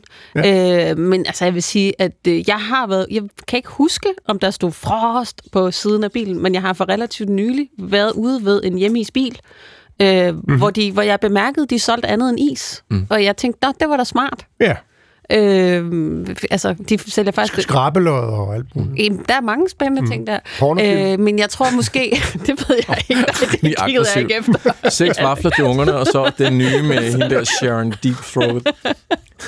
Prøv Det at ved jeg simpelthen ikke noget som helst om, Kender, Jan. kender I det til? Men de solgte hundeis, lagde jeg mærke til. Hundekis. Ja, det er. Hundekiks? Hundeis. Det har jeg Ja, ja. godt set. okay. Det er fantastisk. Ja, det er ulækkert. Men noget helt andet. Nej, det, hun er glad for det. Ja, hundeis. Det er hunde. Man skal bare huske at tage rigtigt i fryseren. Du er ikke et kæledyrsmenneske, Hjalving. Jo, jeg er god ved dyr. Du er god ved dyr. Mm. Jeg har I nogensinde mødt den der fornemmelse og følelse i kroppen, den der hjemmis øh, sympati, skamagtig, hvor man går på gaden, det er mm. regnvejr, og der står han, ham, der har købt den her hjemmisbil, for det er sådan en franchise, man køber. Jeg går ud fra, at det, ligesom du ved, de, de her kaffevogne, der kører rundt Ja. i storbyerne, og man ved bare, at han skal tjene penge, og Ja. det, lad os bare sige sådan, jeg tror ikke, han bliver mange millionær på sin hjemmisbil, vel? Så regner det, der er ikke nogen kunder, og man tænker, jeg bliver nødt til lige Ja. ja. at købe sex, Ja, ja. fordi ja. det er skide synd for ja. ham. Den kender jeg godt. Du kender godt, jeg har, jeg har haft den mange gange også, fordi de er ude, du sagde, det var ude Ja, på landet, ja, ja. de er ude i alt slags vejr. De har deres rute, om det så pisser ned, eller er minus Og 10 de grader. mener det godt. Og du er sindssygt, de mener det. Mm. Men nu hedder det altså Frost, Ja. og han skal have en ny kasket, Ja. og Ja. sådan er det. Sådan er det. det, Men, det, men ikke, de, det- altså, jeg tror der stadigvæk folk kommer til at sige hjemme i bilen. Jeg til ungerne? Ja, Ja, ja. altså Kan I det, huske, hvad, kan I huske en rigtig dårlig onkelvittighed? Hvad? at når den ringer, så er der udsolgt. Ja, lige præcis. Ja, ja, den bruger jeg over for min datter. Jeg bliver nødt til at sige det. Åh, ja. det var den historie. Mm. Så er det vist... Øh, Det er, vi kigger alle sammen over på. Cecilie. Ja. Vi skal snakke om bryster. Øhm, fordi om, om bryster. Nå, Eller om BH'er. Kim Kardashian har øh, lanceret her i løbet af ugen den her nye øh, øh, brystvorte øh, BH, eller en BH, som simulerer stive brystvorter. Uh. Øh, ja. Ja. og har, øh, hun har sådan et stort undertøjsimperium, øh, imperium, som er baseret, det er sådan noget shapewear, altså noget, der sådan strammer ind og former. skim. Skims. Mm. Øhm, og, og der er så kommet ny BH, som ligesom illuderer, at man som kvinde så, ja, mand, man kan vel også tage den på som mand, øh, går rundt med stive brystvorter hele ja. tiden. Mm-hmm. Øh, og i lanceringsvideoen, der siger hun, der bruger hun faktisk klimaet, at det bliver varmere og varmere, men nu har jeg lavet en BH, så det kan se som om, du fryser hele tiden. Ej, Okay. Ja. seriøst. Ja, seriøst. Hvad er ideen, skriver? Siger hun noget om det i sin video?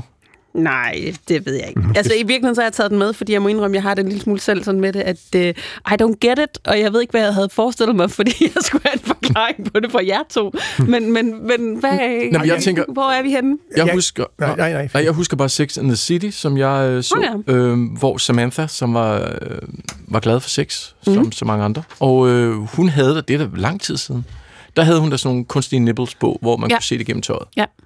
Øhm, så, så hun er jo ikke, sådan, hun er ikke en first mover på den konto. Nej, nej. Men Og- man kan sige, det, hun, hun, sin- siger, hun siger, der er ikke noget sted, det jeg lige kunne se, hvor hun sådan klart siger, det her, det handler om at få kvinder til at gå rundt og se liderligt ud hele tiden. Men, men, Men hvad er det så, hun jamen, det er signalerer? jo det, det signalerer. Altså, men hun siger det bare ikke sådan ordret. Nej. Det, er- ja, Nej, og det, og det, det virker jo på mig. Altså, jamen, må jeg sige. Det, synes, det, du synes, det Nu har, er jeg set, nu har jeg set et billede af, hun er jo også en yndig kvinde, hvis ikke det. Og hun er Men det, det, det, der, det, øhm, det tror jeg, der er marked for. I hvert fald blandt mænd. Jeg vil sige, de er faktisk øh, udsolgt i alle størrelser. Det kan jeg godt forstå. Men må vi mere, nu spørger lige, altså, så vi kigger der, du synes, det er fedt, hvis, øh, Ej, jeg synes, det er pigerne. Det må jeg til- tilstå. det vil du gerne. Ja. Det skal du bede om. Men vi er jo i en situation lige nu, hvor... Øh, når Også selvom det ikke er rigtigt. Altså, der er jo ikke... Det er jo, Jeg det, tænker også, det er lidt fake. Det er ligesom, hvis du putter noget ned i... Nu har vi lige talt om højhælede sko til mænd, ikke? Ja. Altså, og, og så kommer der en, en BH med, med stive brystvorter. Altså, det er jo en skør, skør verden. Ja, I ja. og, lands og, og vi, kan ikke, vi kan ikke ændre det. Altså, det er jo kapitalismen, der ruller øh, afsted med, med turbo på. Så kan vi så godt nyde det. Ja, men, ja, ja, men jeg ved ikke, for mig, det jeg spurgte øh, en af de øh, yngre kvinder på, på redaktionen, og fordi jeg følte mig meget gammel lige pludselig. Du er ikke særlig gammel. Nej, jeg er i midten af 30'erne. Jeg var sådan, at jeg forstår det ikke. Nej. Og så blev det søde, dejlige menneske sagde, "Men det forstår jeg egentlig heller ikke rigtigt. Og jeg havde lidt den forestilling om, at ungdommen, især de unge kvinder, jo sådan, i, i slet ikke gik med BH. Men det troede jeg da også. Øhm, så jeg er sådan lidt paf over det. Måske det er en kulturting, tænker jeg. Ja. Det er sådan amerikansk. Det er et andet sted end her. Det er ikke øh, på Nørrebro, København, Odense. Det er ikke der, de render rundt med de der... Jeg ved det ikke. Det kommer det til. Det, vi bliver nødt til at snakke med nogle eksperter på et eller andet Ja, tidspunkt. vi talte med en voksen. Men det er, ikke, det er ikke under juletræet hos dig, kan jeg høre.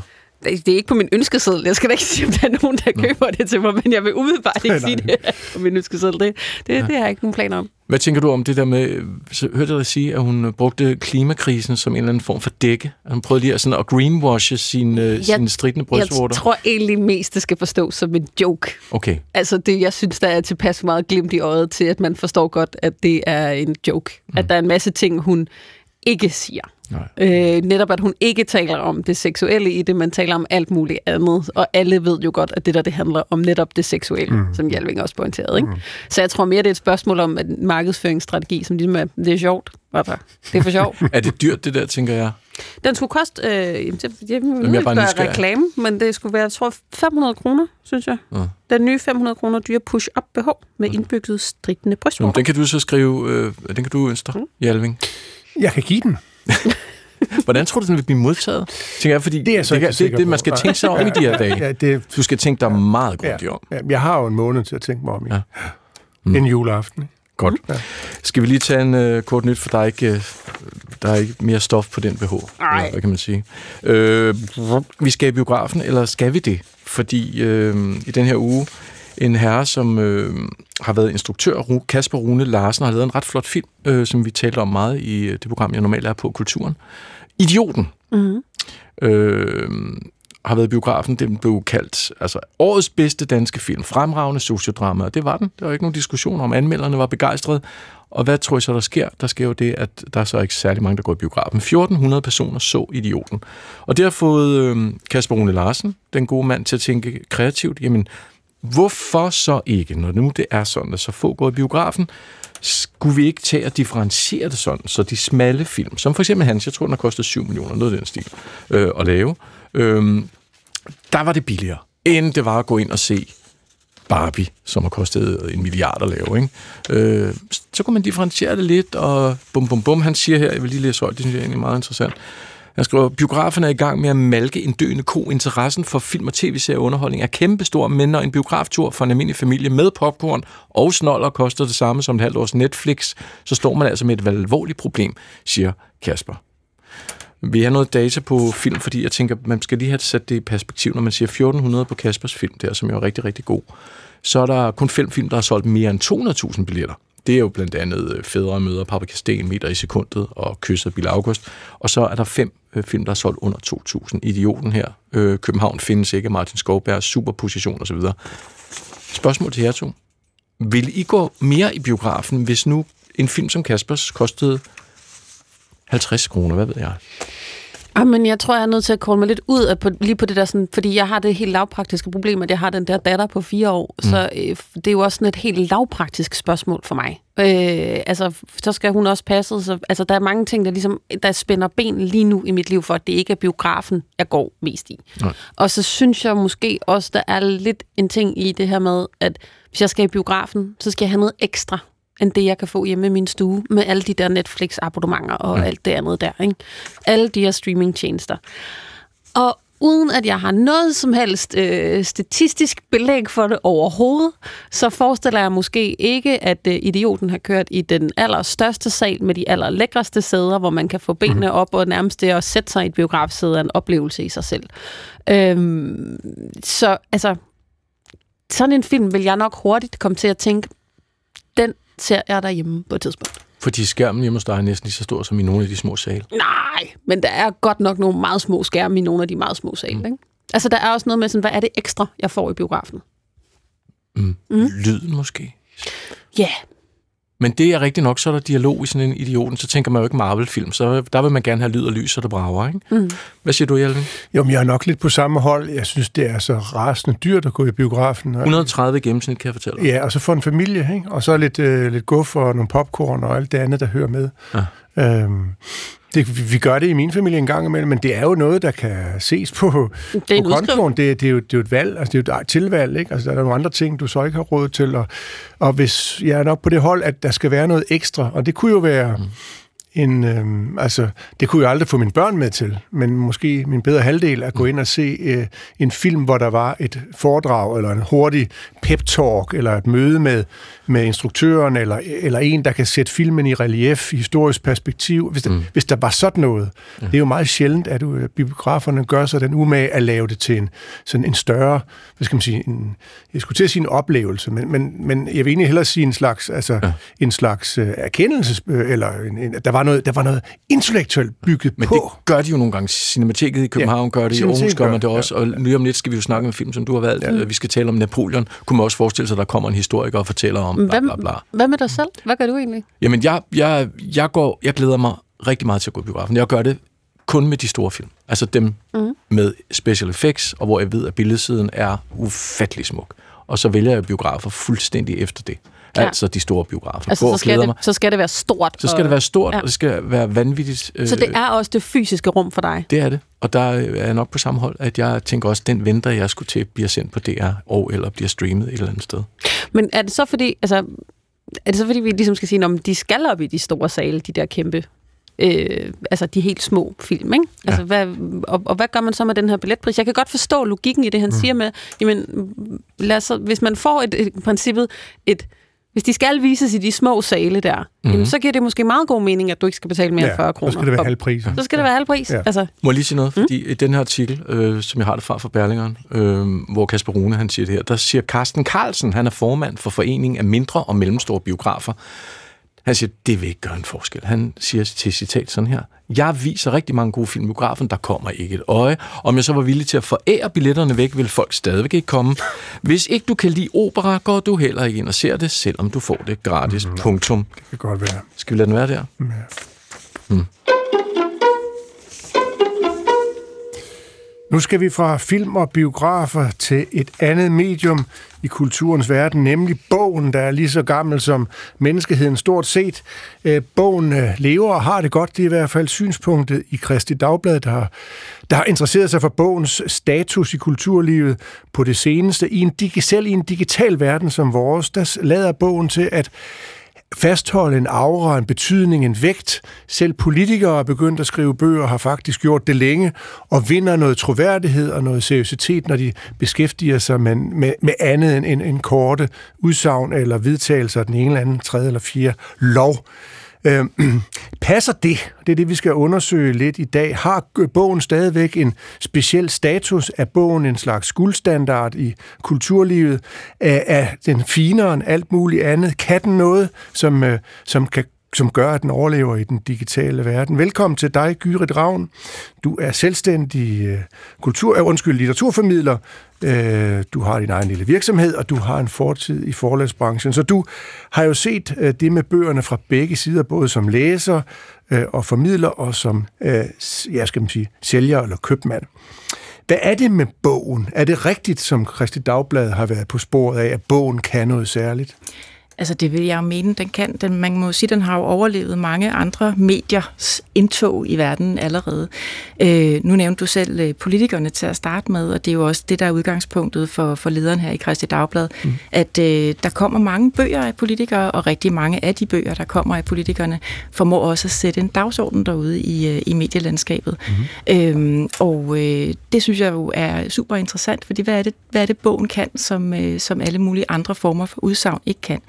Altså, og en ting, de jo i hvert fald kan, det er, at de formår at tænke et argument til ende. Altså, mm-hmm. De formår jo at, øh, i modsætning til, kan man sige, de hurtige sociale medier, som også er det, øh, Christi Dagbladets leder sætter mm, op overfor. Mm. Der er ikke så mange afbrydelser. Altså, du formår jo at, at, du får lov til at sætte dig ned og føre argumentet til ende, og måske også få lov at selv at tænke både for og imod, inden øh, dit øh, kommentarspor eksploderer i folk, der mener både det ene og det andet. Mm-hmm. Så der, der er i hvert fald en, en mulighed for at komme i dybden med nogle ting med en bog mm-hmm. på en anden måde. Så kan vi jo altid diskutere, hvor, hvor grundige, hvor, hvor, hvor dybdegående de bøger er, og hvor langt et efterliv de har. Men hvis vi nu kigger på forfatterne, dem der trods alt lever af det og har det som profession, der har vi jo en hel række øh, altså aktuelle og nye navne, som, som er braget igennem og bliver omfavnet, i hvert fald af kultureliten. Øh, en forfatter som Glenn Beck, Kasper Erik og Olga Ravn, øh, som, som formår altså at skrive, de skriver skønlitteratur, men på en eller anden måde, så er det større end fiktion. De har i hvert fald en berøringsflade med det virkelige samfund og med politik og kultur i det hele taget. Er det en ny tendens, at der altid været sådan? Jeg tror egentlig altid, det har været sådan, men øh, jeg tror, at det har fået en anden form for liv også i den virkelighed, vi lever i i dag. Øh, fordi det formår jo at, at, at sætte nogle, altså man kan sige, hvis det er den første bølge, som formår ligesom at sætte øh, farvandet i, øh, i bevægelse, øh, og formår at sprede sig alle mulige andre steder hen i, i forskellige andre medier også efterfølgende. Og du har fuldstændig ret, altså skønlitteraturen har jo i den grad været dagsordensættende i løbet af de, de seneste år, altså udover Glenn Beck og Kasper Erik, som du nævner, også en, øh, en forfatter som Anna Jul, der har øh, gået i kast med øh, psykiatrien. Altså der er virkelig mange eksempler på, på den type bøger. Jeg synes også, det er interessant at se på andre former for, altså fagbøger, øh, som måske tager øh, emner op, som sådan set allerede findes derude, og noget vi allerede taler om, men formår at samle noget forskning på et område, og så på den måde starte en debat på et måske mere oplyst grundlag. Mm-hmm. Her kunne man tænke på sådan en bog som Usynlige Kvinder, der øh, taler om, hvordan øh, alle mulige former for forskning har taget udgangspunkt i, hvordan medicin eller sikkerhedsseler, eller hvad har vi, alt sammen er testet på mænd. Og det er jo egentlig noget, som sådan har, vi har vidst i mange år, men når det bliver samlet i en bog, mm. bliver det pludselig en samtale også i medierne igen. Det er faktisk lidt af en succeshistorie, solstrålehistorie. Det, vi har vi taler meget død og ødelæggelse, og det rut og økonomiske mm. problemer, hvad ved jeg, skandaler, men her er der jo tale om, altså for, for, for 10 år siden, eller, eller måske endda øh, øh, længere tid tilbage, der, der talte man om, at bogen ville uddø, og bibliotekerne ville forsvinde, det er de så også næsten. det er jo sådan en anden historie. Der er ikke så mange bøger tilbage på vores biblioteker, bøgerne står nede i arkivet osv. osv. Men jeg har også venner, som solgte hele deres bogsamling for 10 år siden, fordi bogen er jo død. Du kan høre det hele digitalt. Men alligevel taler vi nu her om bogen som en guldstandard, som noget, der har, der har et efterliv og en betydning på en anden måde. Og du taler ind i noget meget interessant her i forhold til netop den, du siger med øh, folk, der sælger deres bogsamling, fordi bogen er død. Altså for det første, øh, rygtet om bogens død har øh, floreret i mange, mange, mange år, og den er stærkt overdrevet. øh, man kan sige, at bøger har fået flere forskellige formater. Altså nu har vi lydbøger, vi har e-bøger, vi har alle mulige andre måder at læse på, som øh, jo alle sammen er fantastiske. Altså for, har du, var du ordblind for 50 år siden, så var du virkelig på den. Nu har du faktisk mulighed for at tilgå litteratur på andre måder. Men når det er sagt, så vil jeg også samtidig sige, at øh, den, øh, den fysiske bog og den skrevne litteratur øh, i, i, den, i den form, der er jo masser af undersøgelser faktisk, der viser, det er også en lidt anden samtale, mm-hmm. som viser, at øh, vi faktisk husker det bedre, når det er på papir. Vi øh, forstår det bedre, når det står i en fysisk bog. Mm. Så der er faktisk, altså det er jo et ret genialt øh, format. Det er ikke afhængigt af strøm, det er ikke afhængigt af, altså vi har virkelig at gøre med et format, som jeg har svært ved at se, hvordan man næsten kunne, øh, kunne opfinde bedre i dag, hvis man Det er skulle... bæredygtigt. Det er så bæredygtigt. Ja, ja det er Ja. nogenlunde bæredygtigt. Vi hylder i det så grundlæggende rimelig meget, men jeg kunne godt tænke mig sådan at spørge lidt ind til, om bogen ikke også er et statussymbol, der ligesom er, er for nogle særlige Øh, altså at bogen, ligesom hele det her med, at bogen står fremme i stuer nogle steder, bogen som noget fantastisk og noget, vi hylder, og lige præcis de her forfattere, som vi nævner, om ikke også, at der er et spørg- lidt et, en tegn på, at vi som en, en kulturelite bliver lidt et ekokammer, der hylder noget, som måske ikke har en virkelighed i en meget bred offentlighed. Det tror jeg, du har helt ret i. Altså, øh, og jeg vil også sige det her med at have bogen som et statussymbol. Altså, både og, fordi nogen har jo også haft det næsten som sådan en indretningsobjekt, øh, som du netop siger. Altså, så sælger man det hele, fordi der kommer et nyt og spændende format. Samtidig vil jeg sige, det er jo også et format, der er tilgængeligt for alle, i hvert fald i udgangspunktet, øh, kvæg vores biblioteker. Så der er jo sådan set tilgængelighed øh, på den måde. Hvorvidt det henvender sig til alle, det er jo altid spørgsmålet. Øh, det vil man jo kunne sige om mange forskellige øh, medier i det hele taget. Det gælder jo sådan set også aviser, øh, mm. eller mm-hmm. et program som det her. Mm-hmm. Præcis. Men Gør, du var også, må jeg sige noget? Ja, du, var, du var også på Boforum, og øh, det var det her program, så vidt jeg ved også, ikke? Mm. Sidste fredag sendte Adam øh, live øh, fra Boforum. Og der, der går øh, folk som, som Glenn Beck og øh, Hella Juffi rundt som rockstjerner, og bare bam, bam, bam, bam. Og når der er talks og interviews, så står der kødrende af mennesker og kigger. Prøv lige at beskrive, fordi du har jo også været, du har været på Lindhardt Ringhof. Vi har talt sammen mange gange også om, hvordan vi designer bøger og omslag, så det bliver lækkert på Instagram, alt det her. Hvordan har det udviklet sig? Fordi der er sket et eller andet, er der ikke? Der er sket noget. Øh, jeg vil sige, jeg tror egentlig sådan set, man har tænkt over, hvordan man pakkede bøger bøger end altid. Men det er klart, at den æstetiske, øh, det æstetiske udtryk har også øh, udviklet sig rigtig meget. Jeg synes jo, det er endeløst fascinerende at kigge på udstyr på bøger. Øh, det er også, fordi jeg er en ægte nørd. Øh, men jeg synes for eksempel, det er dybt, altså dybt interessant, hvordan jeg kan gå ind i en boghandel, få øje på en bog i den anden ende af butikken, uden at ane, hvad den handler om, og bare vide, at den der, den er til mig. Har regnet det ud? Hvem kan vide, Fordi typografien, farverne, alting bare er et skriger eller andet, der, ja, der er et eller andet, hvor jeg bare kan se, det der, det er en bog til mig. Og jeg kan ikke, jeg kan ikke regne ud, hvorfor det lige præcis er sådan. Jeg har faktisk interviewet nogle omslagsdesigner engang, for at prøve at finde ud af det. Jeg fandt ikke ud af det alligevel. Jeg tror, der er noget intuitivt i det simpelthen. Okay. Men når det er sagt, så kan man sige, øh, bogen konkurrerer jo også med en hel masse andre former for medier, øh, og, og har skulle finde nye former at eksistere i. Når du går ind i en streamingtjeneste, så skulle du kunne se en forside, du skulle kunne aflæse den også i det der lille bitte frimærkestørrelsesformat, som det har derinde. Mm. Samtidig så skal den samme forside jo helst være genkendelig, når du går ned i boghandlen og skal samle bogen op. Der må også godt være noget taktilitet. Der må godt være den her følelse, altså noget papir, som på en eller anden måde øh, taler til en, eller taler til ens fingerspidser, når man samler den op. Så der er helt sikkert sket noget. Altså, og det altså, jeg synes jo, når man går ind, men det er igen, jeg er en rigtig ægte bognørd. Jeg synes jo, når man går ind i en boghandel, at det er lidt som at gå ind i en slikbutik. Altså, at man, man får ligesom det her valg på alle hylder. Det samme på biblioteket jo sådan set også. Øh, der er sket virkelig meget med, hvordan vi har øh, udformet øh, bøger i løbet af de senere år. Ja. Du har været lidt inde på det i forhold til det her med, med, med, med bogen, det taktile side med den. Det var også det der med, at det er legitimt at sætte sig over, at jeg sætter mig over og læser en bog, hvor det vel ikke er så legitimt at sige, at jeg sætter mig lige over og lytter på en bog. Det har ikke samme, på en eller anden måde, det er bare mig, der har registreret det. Det er ikke på samme måde sådan en, nu får jeg retten til at sætte mig her i en stol og læse i en bog, eller jeg sidder og lytter. Den der forskel mellem lyd og, og det trygte. Den tror jeg, øh, den tror jeg, du har ret i. Øh, omvendt altså vil jeg sige, jeg synes egentlig, at vi er ved at komme, og jeg håber lidt, at vi er ved at komme ud over det der med, at det er finere at læse på en måde end på en anden. Jeg tror bare, at det der er med lydbøger, er, at det ofte er noget, man, man gør, mens man gør noget andet. Altså, det tror jeg det, vi har vendet os til. Ja. Så lytter man til en bog, mens man kører bil, eller man lytter til en bog, mens man laver mad, eller man lytter til en bog, mens man løber en tur, eller går en tur, eller noget. Og der kan man sige, at sidde med en fysisk bog, det er svært at foretage sig stort meget andet, mens man sidder og skal bladre i en bog, og, og lade, lade øjnene øh, løbe hen over siderne der. Hvis vi kigger, vender blikket på, mod politikerne der igen, og prøver at se deres brug af, af kulturprodukter, altså, hvor meget, hvor meget mener de det? Har noget indtryk af, hvor du har også siddet på, på, på forlag, altså, hvor meget er det en fjer i hatten, eller et visitkort, eller altså PR, public management, øh, og, hvor, og hvor, hvor dybfølt er det egentlig, at de, de, de gerne tænke noget til ende? Altså, det er jo ret nyt, øh, eller det er lidt overraskende at høre politikere vil tænke noget til ende. Deres arbejde går ud på det modsatte. Det, det kan du have ret i.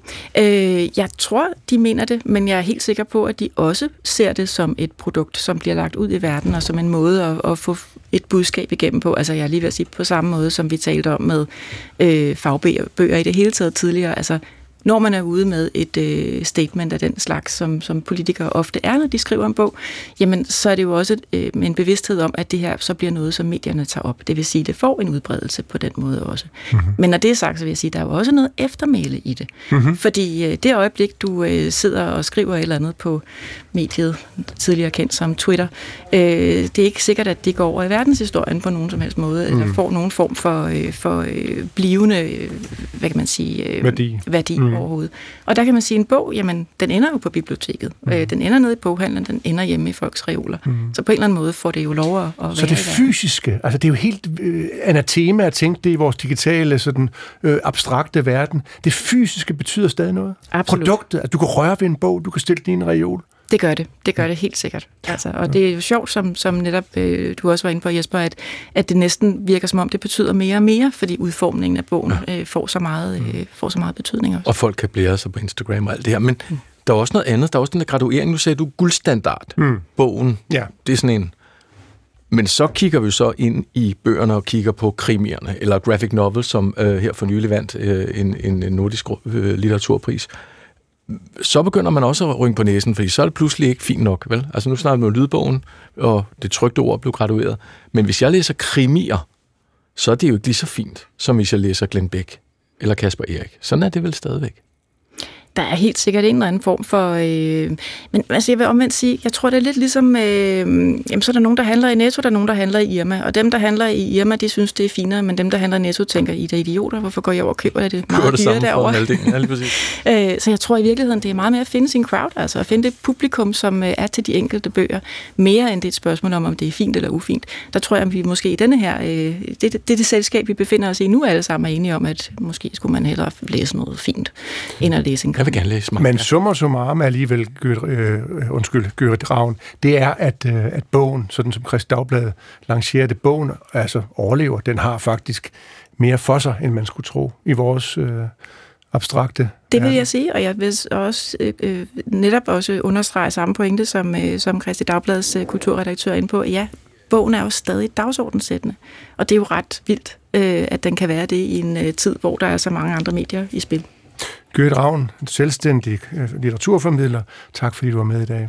Selv tak. Jeg vil jo anbefale, at man lige følger Gyrit Ravn på Instagram, fordi der kan man jo følge med i, hvad hun går og pusler med, og hvad hun vil anbefale. Det er helt 100. Øhm, Michael Jalving, Mm. og Cecilie Nielsen og Jesper Dein står her i studiet. Det er 4. division. Og nu til Røre i den royale Annedam.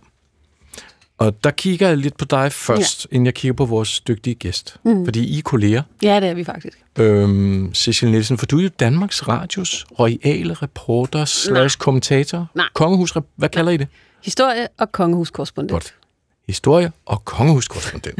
og det er vigtigt at sige her. Ja, fordi nu skifter jeg lidt hat. Nu har jeg lidt været her som bare hende der, der også laver lidt uh, historiefjernsyn, Ja. ja. men nu, nu, nu snakker vi jo kongehus, så nu, Nu er det- du kongehusreporter. nu er jeg kongehuskorrespondent. Sladermediet Lektura. Det er i Spanien.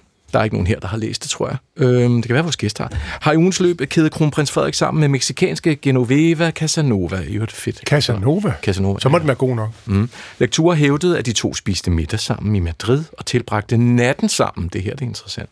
Mm. Mens Mary var i New York. drama, drama. Genoveva selv har råbt løgn og kræver, at Lektura trækker det hele tilbage. Men fra kongehuset selv har der været lidt stille. Vi har i overvis opretholdt en politik, siger de en erklæring, om ikke kommentere eller bekræfte nogle detaljer øh, relateret til private forhold. Og derudover vil vi gerne understrege vores forpligtelse til at respektere privatlivets fred for medlemmerne af den royale familie, herunder kronprinsen, siger det altså, øh, lyder det altså fra det danske kongehus. Og samtidig så har øh, journalisternes fagblad, det hedder Journalisten, hov, hmm, haft et langt og sjældent, forstår jeg, interview med Kongehusets kommunikationschef gennem 15 år. Hun hedder Lene Balleby.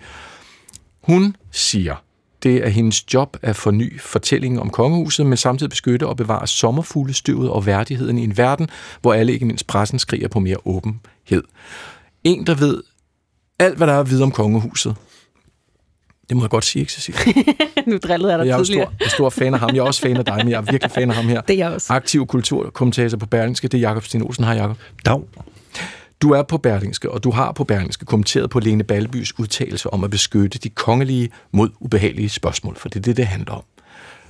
Hun siger, jeg ønsker slet ikke nogen sukkersød dækning af kongehuset, og det ser jeg heller ikke, at fremtiden hverken kan eller skal bringe, men måske er vi blevet for tilgængelige. Måske skal vi trække os lidt tilbage. Det er vigtigt, at monarkiet og de kongelige ikke slides op, siger hun. Hvad er problemet i det, hun siger her?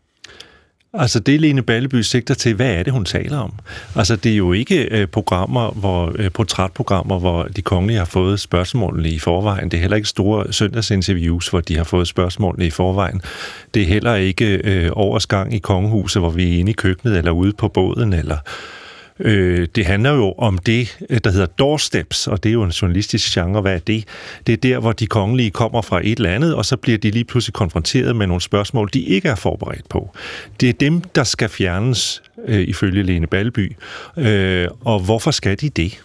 Jamen det skal de, for at sige det lige ud. Det er ikke hende, der siger det. Nu er det mig, der siger det. Det skal de, fordi de kongelige kan ikke finde ud af det.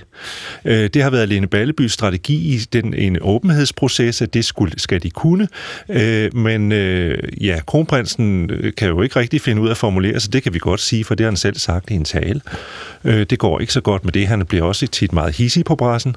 Øh, og kronprinsessen er god til at lære udenad. Man kan ikke improvisere, øh, så hun kommer meget nemt til at virke som sådan lidt en komisk Ali, der står og gentager det samme. og det dur heller ikke.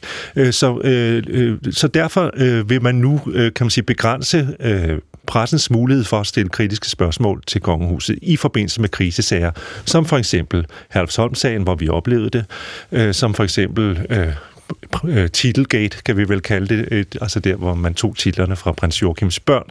Ja. Øh, der oplevede vi jo seancer, hvor øh, kongehusets medlemmer øh, ikke var komfortable i situationen. Ikke? Så, Ja. så det skal begrænses. Brød sammen. Ja, hvor meget skal de finde sig i, hvis det stod til dig som kommentator? Hvor meget skal kongehuset finde sig i? De skal jo øh, i princippet finde sig i meget, øh, forstået på den måde, at jeg forstår egentlig godt, at Lene Balby trækker de kongelige, for de kan ikke finde ud af det. Øh, Men så, så er min pointe bare, jamen så må kongehuset i åbenhedens navn finde andre måder at forklare sig på. Så må Lene Balby forfølge på den nye åbenhedspolitik, hun har i forhold til sig selv, ved at give det her store interview i, i journalisten, og selv komme øh, hyppigere på banen, så må hun tage den mm. øh, og forklare sig, fordi øh, der er sket meget i forhold til kongehuset og kongehusdækningen, men der er i det hele taget sket meget i forhold til vores store øh, institutioner i samfundet. Øh, at øh, vi øh, stiller kritiske spørgsmål. Det skal vi også øh, ved alle institutioner i samfundet, som øh, er skatteyderbetalt. Der er krav om en vis form for transparens, så man kan ikke længere bare i kongehuset påberåbe sig en mystik øh, og en, en privatlivets fred, og hertil ikke længere i alle tilfælde. Øh, man kan ikke længere som kongelig bare gemme sig, når shitstormene raser. Øh, det kan politikere ikke, det kan erhvervsledere ikke. På et eller andet tidspunkt er du nødt til at komme ud og forklare dig. Øh, Og det skal kongehuset også kunne. Mm. Om det så er de enkelte medlemmer, som skal stå for skud, eller man vælger at sende en øh, adjutant, det må de jo sådan set selv om. Øh, Men jeg vil fastholde, at det er bedst for kongehuset, at de er gode til at forklare sig. Og det handler også om, at man er jo slået ind på en mere aktivistisk sti. Øh, Dronning Margrethe er jo kongelig og har været glimrende øh, på sin måde for sin generation i forhold til at spille sådan en traditionel kongelig rolle, hvor man sidder i øh, logen eller tager imod blomster fra borgmesterens grimme datter, eller hvad det nu er. øh, øh, altså sådan en mere traditionel kongelig rolle, øh, hvor, hvor øh, kronprinsparet vil jo bruge deres liv anderledes og deres position anderledes. De vil gerne spil, gøre en forskel. De vil gerne bruge deres kendthed og deres gennemslagskraft, deres enorme øh, magt i samfundet, øh, til at kaste lys på ting, som de synes er, er positive her i samfundet. Mm. De vil gerne gøre en forskel. Øh, så de går jo ind og er et mere aktivistisk politiseret kongehus i nogle af de emner, de de beskæftiger sig med. Altså emner, der er en bred konsensus om klima, LGBT-spørgsmålet, øh, kvinders rettigheder, øh, øh, som vi øh, sådan over en bred politisk kamp er, kamp er enige om er danske værdier. Men nedenunder er der jo en masse diskussioner, som nemt kan poppe op, øh, og som kan ramme kongehuset, som øh, på alle måder kan blive guilty by association og sådan noget. Og når de kravler op på en højere moralsk hest og fortæller, som de privilegerede mennesker de er, fortæller danskerne, hvordan de skal leve deres liv, så skal de også selv kunne stå til ansvar for det og forklare sig, hvis uheldet er ude. Øh, Så de er åbnet også for en en flanke af kritik, kan man sige, eller en falangs øh, øh, ved den politik. Mm. Øh, så øh, de skal opruste sig i forhold til at være bedre til at svare på spørgsmålene, når de kommer. Man kan sige, det der jo også er en del af det her, det er, at det her med at være en idealfamilie, er jo sådan set ligger lidt i grundessensen af den, det moderne kongehus. Mm. Altså, det, vi har alle sammen et, et blik på et kongehus, og især den kongelige familie, som noget, der skal være lidt bedre end alle os andre. Øh, og det gør også, at de idealer, vi måler efter, når vi måler på dem, er langt mere konservativ. Fordi man kunne jo godt indvende og sige, hvad er problemet, hvis... Det kan jo godt være, der er en eller anden aftale mellem Frederik og Mary. Vi ved det ikke. Ret beset ved ingen reelt om det her overhovedet. Det er, jeg går ud fra det ikke men jeg ved det virkelig ikke. Der er meget få mennesker, der faktisk kan verificere, om det her er sandt eller falsk. Men pointen er lidt, vi ved jo ikke, om der er en aftale, og hvorfor blander vi os egentlig i det her privatliv? Jamen det gør vi, fordi vi, når vi kigger på den kongelige familie, ikke på institutionen, altså kongehuset, men de her mennesker, der er derinde.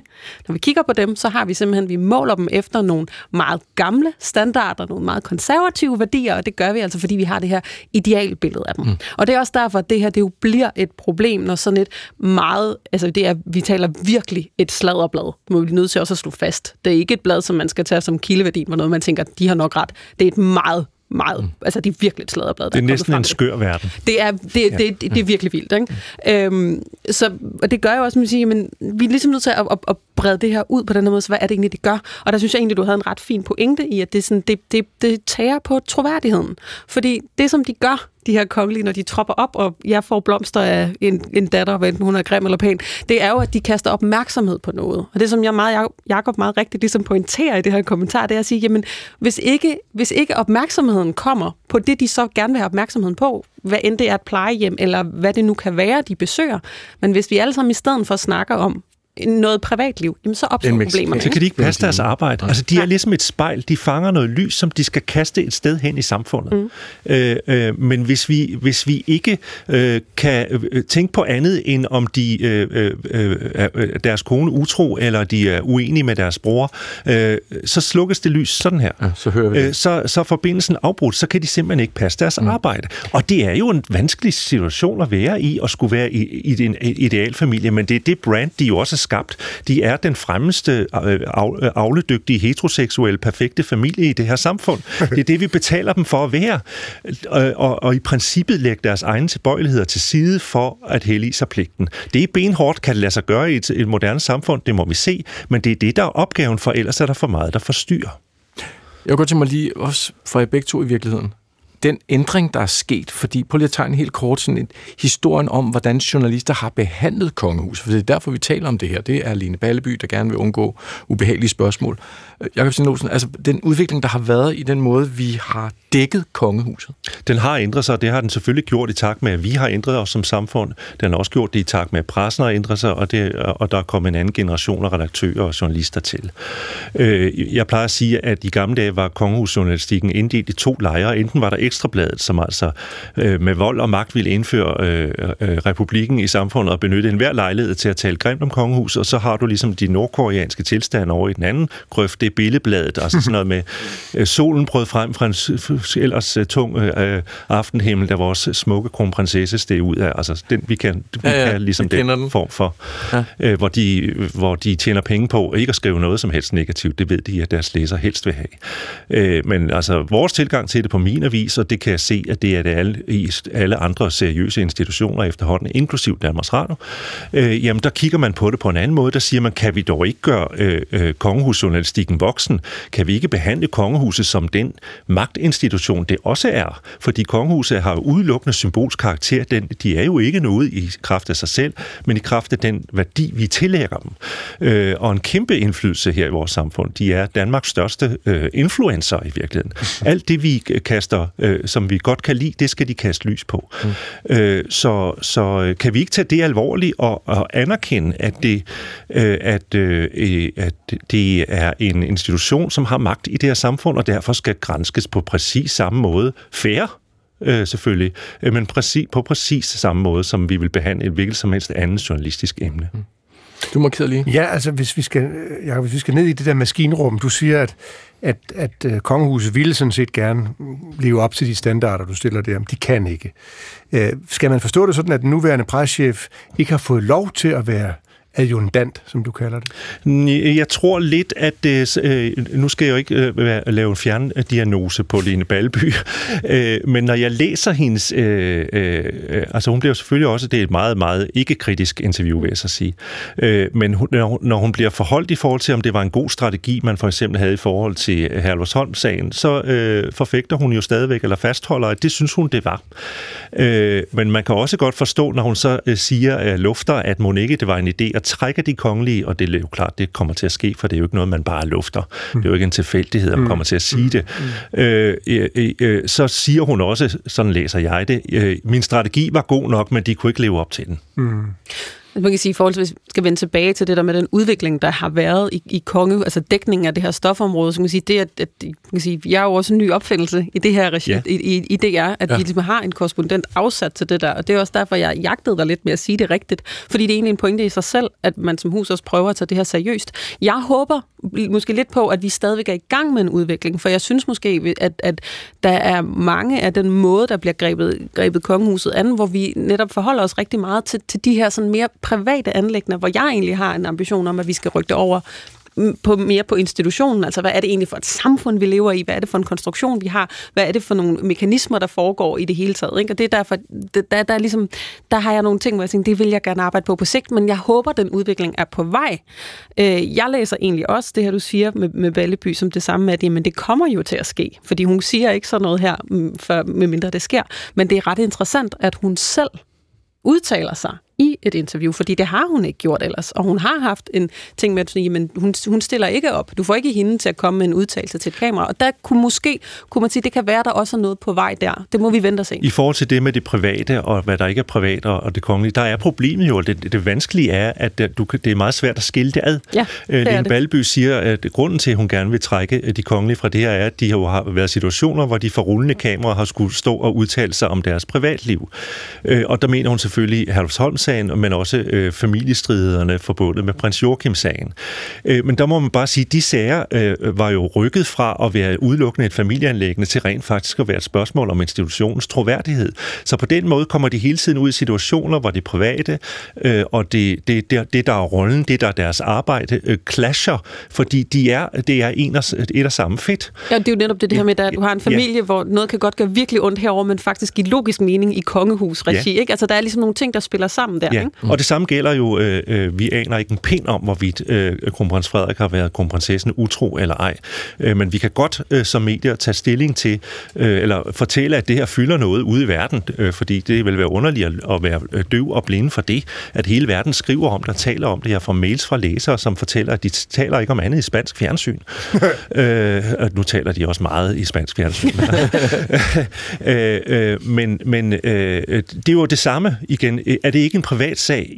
Jo, det er selvfølgelig, at det er en privat sag, men det kan også godt gå hen og blive andet og mere end det, fordi det er, er direkte øh, Øh, kan man sige, øh, kollisionskurs med det, de forventninger, kongehuset selv har opbygget i forhold til, hvordan et kongeligt ægteskab fungerer. Og det er derfor, Berling skal tage op. Hvad skulle de stille op? Hvad skulle, hvis du er Lene Balleby nu, Jakob Sten Olsen, hvad, hvad vil du sige? Jeg tror, hun har et meget vanskeligt job. Ja, øh, men jeg, nu er du. Jamen, jeg synes faktisk, man kan kigge på, der er jo fortilfælde, fordi for ikke så længe siden, øh, det var i februar 2022, der måtte det svenske kronprinspar gå ud ja, og dementere utroskabsrygter, fordi det simpelthen simpelthen var vokset ud af proportioner.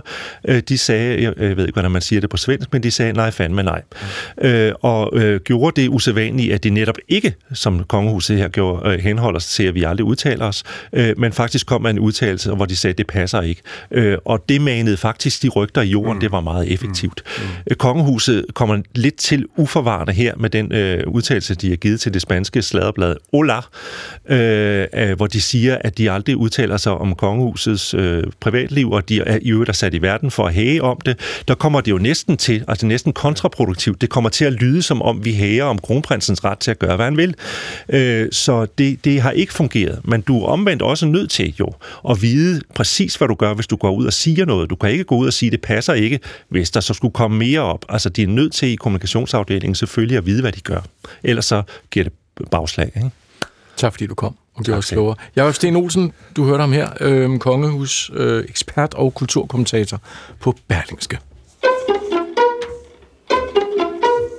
Hov, Cecilie, mm-hmm. hvad, øh, du har den sidste historie i dag. Det har jeg, så nu tager jeg den der hat af igen. Jeg, Ja, nu er du Cecilie. Nu er jeg bare mig igen. Øh, prøv at, I slutningen af den her måned, der har Ridley Scotts nye film Napoleon premiere. Og det er Joaquin Phoenix, der spiller hovedrollen, og den handler måske ikke specielt overraskende med den titel om den franske kejser Napoleon Bonaparte, som levede fra øh, 1769 og til 1821. Filmens trailer er udkommet, og den har fået en uh, tur på TikTok af den uh, britiske historiker og tv-vært Dan Snow, og det lød sådan her. The Napoleon trailer dropped, folks, and it sent the internet into a meltdown. I love historical epics. I love Ridley Scott. I'm going to be watching this movie. It ain't a documentary, we know that much, but it's going to be a brilliant piece of art.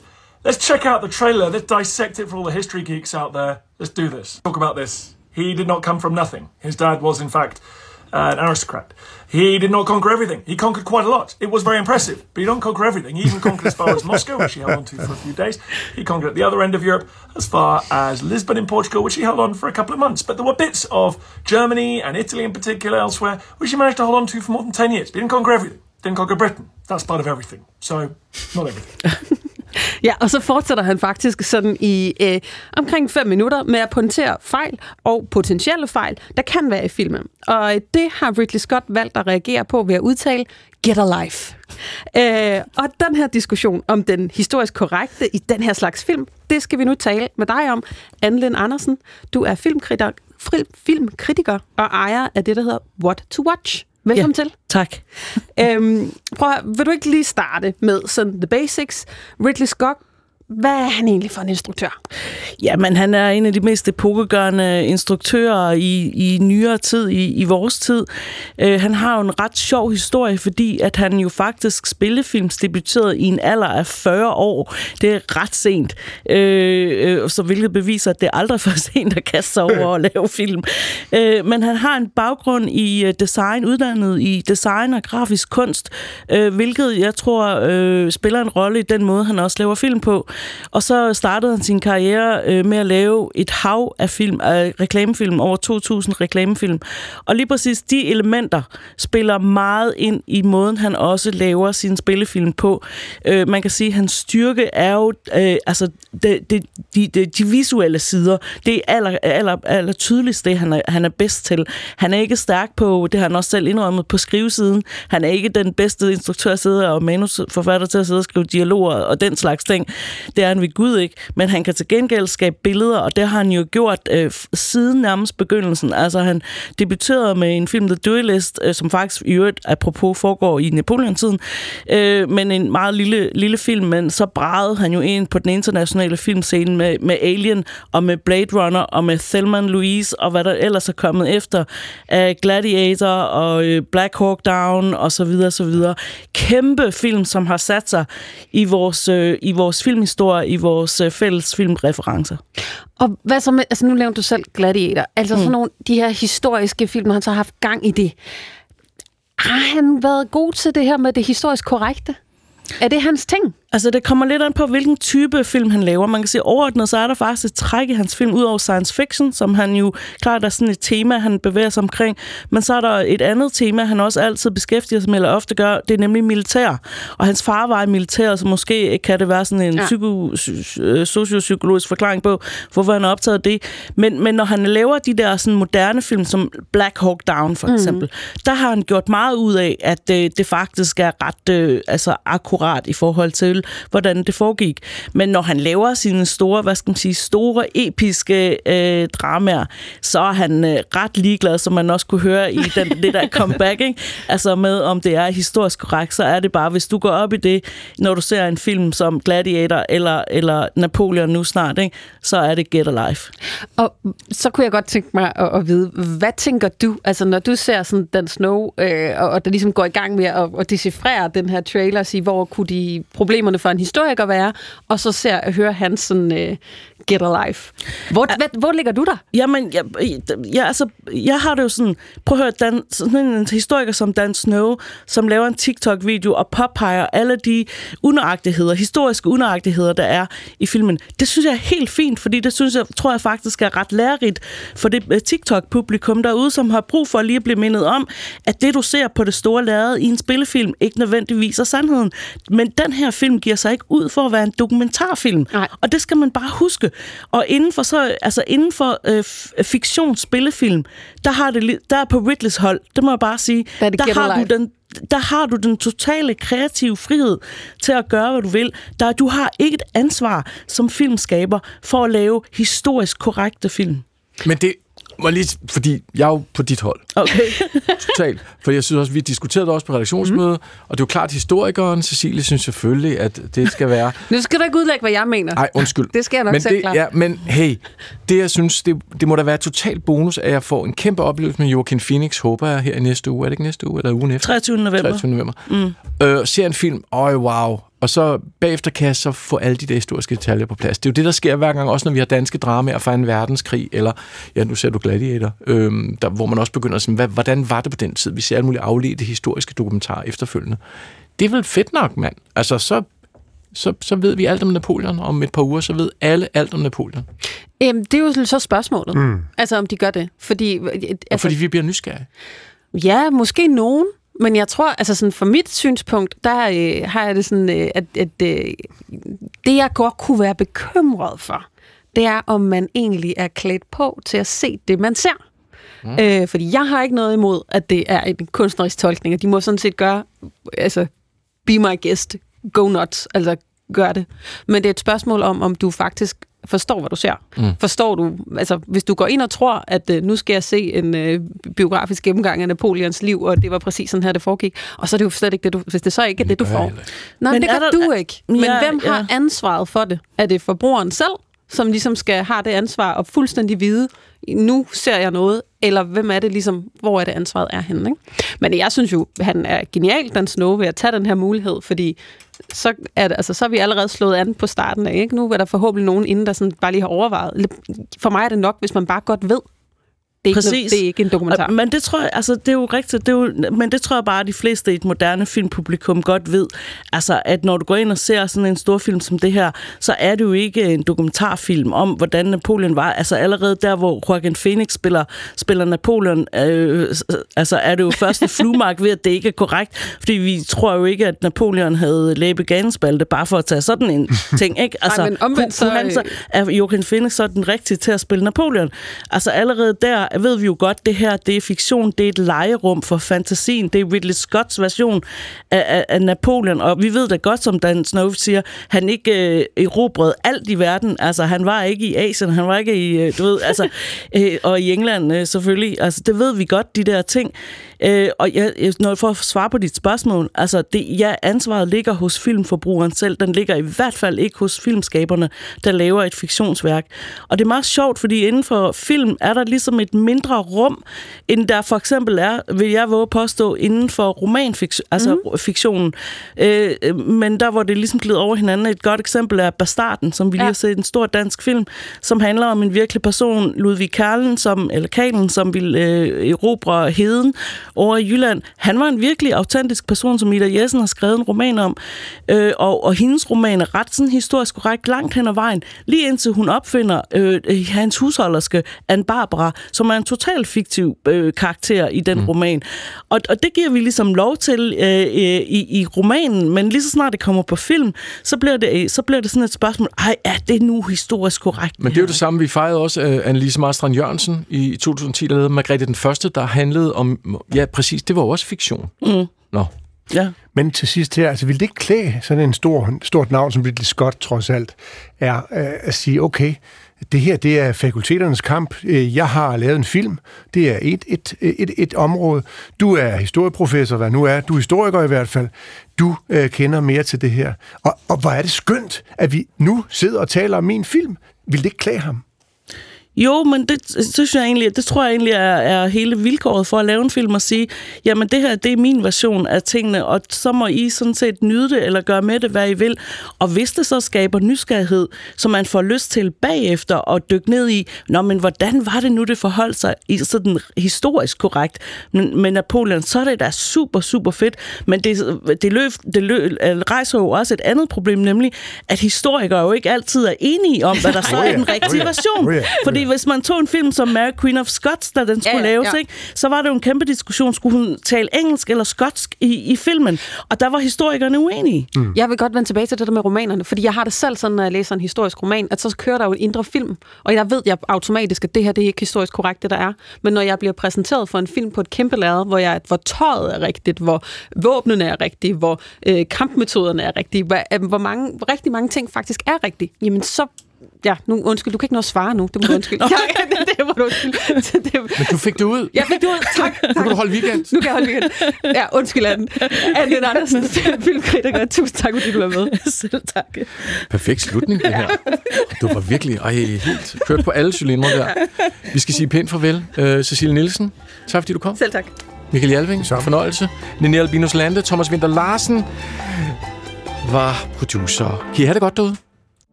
Gå på opdagelse i alle DR's podcast og radioprogrammer. I appen DR Lyd.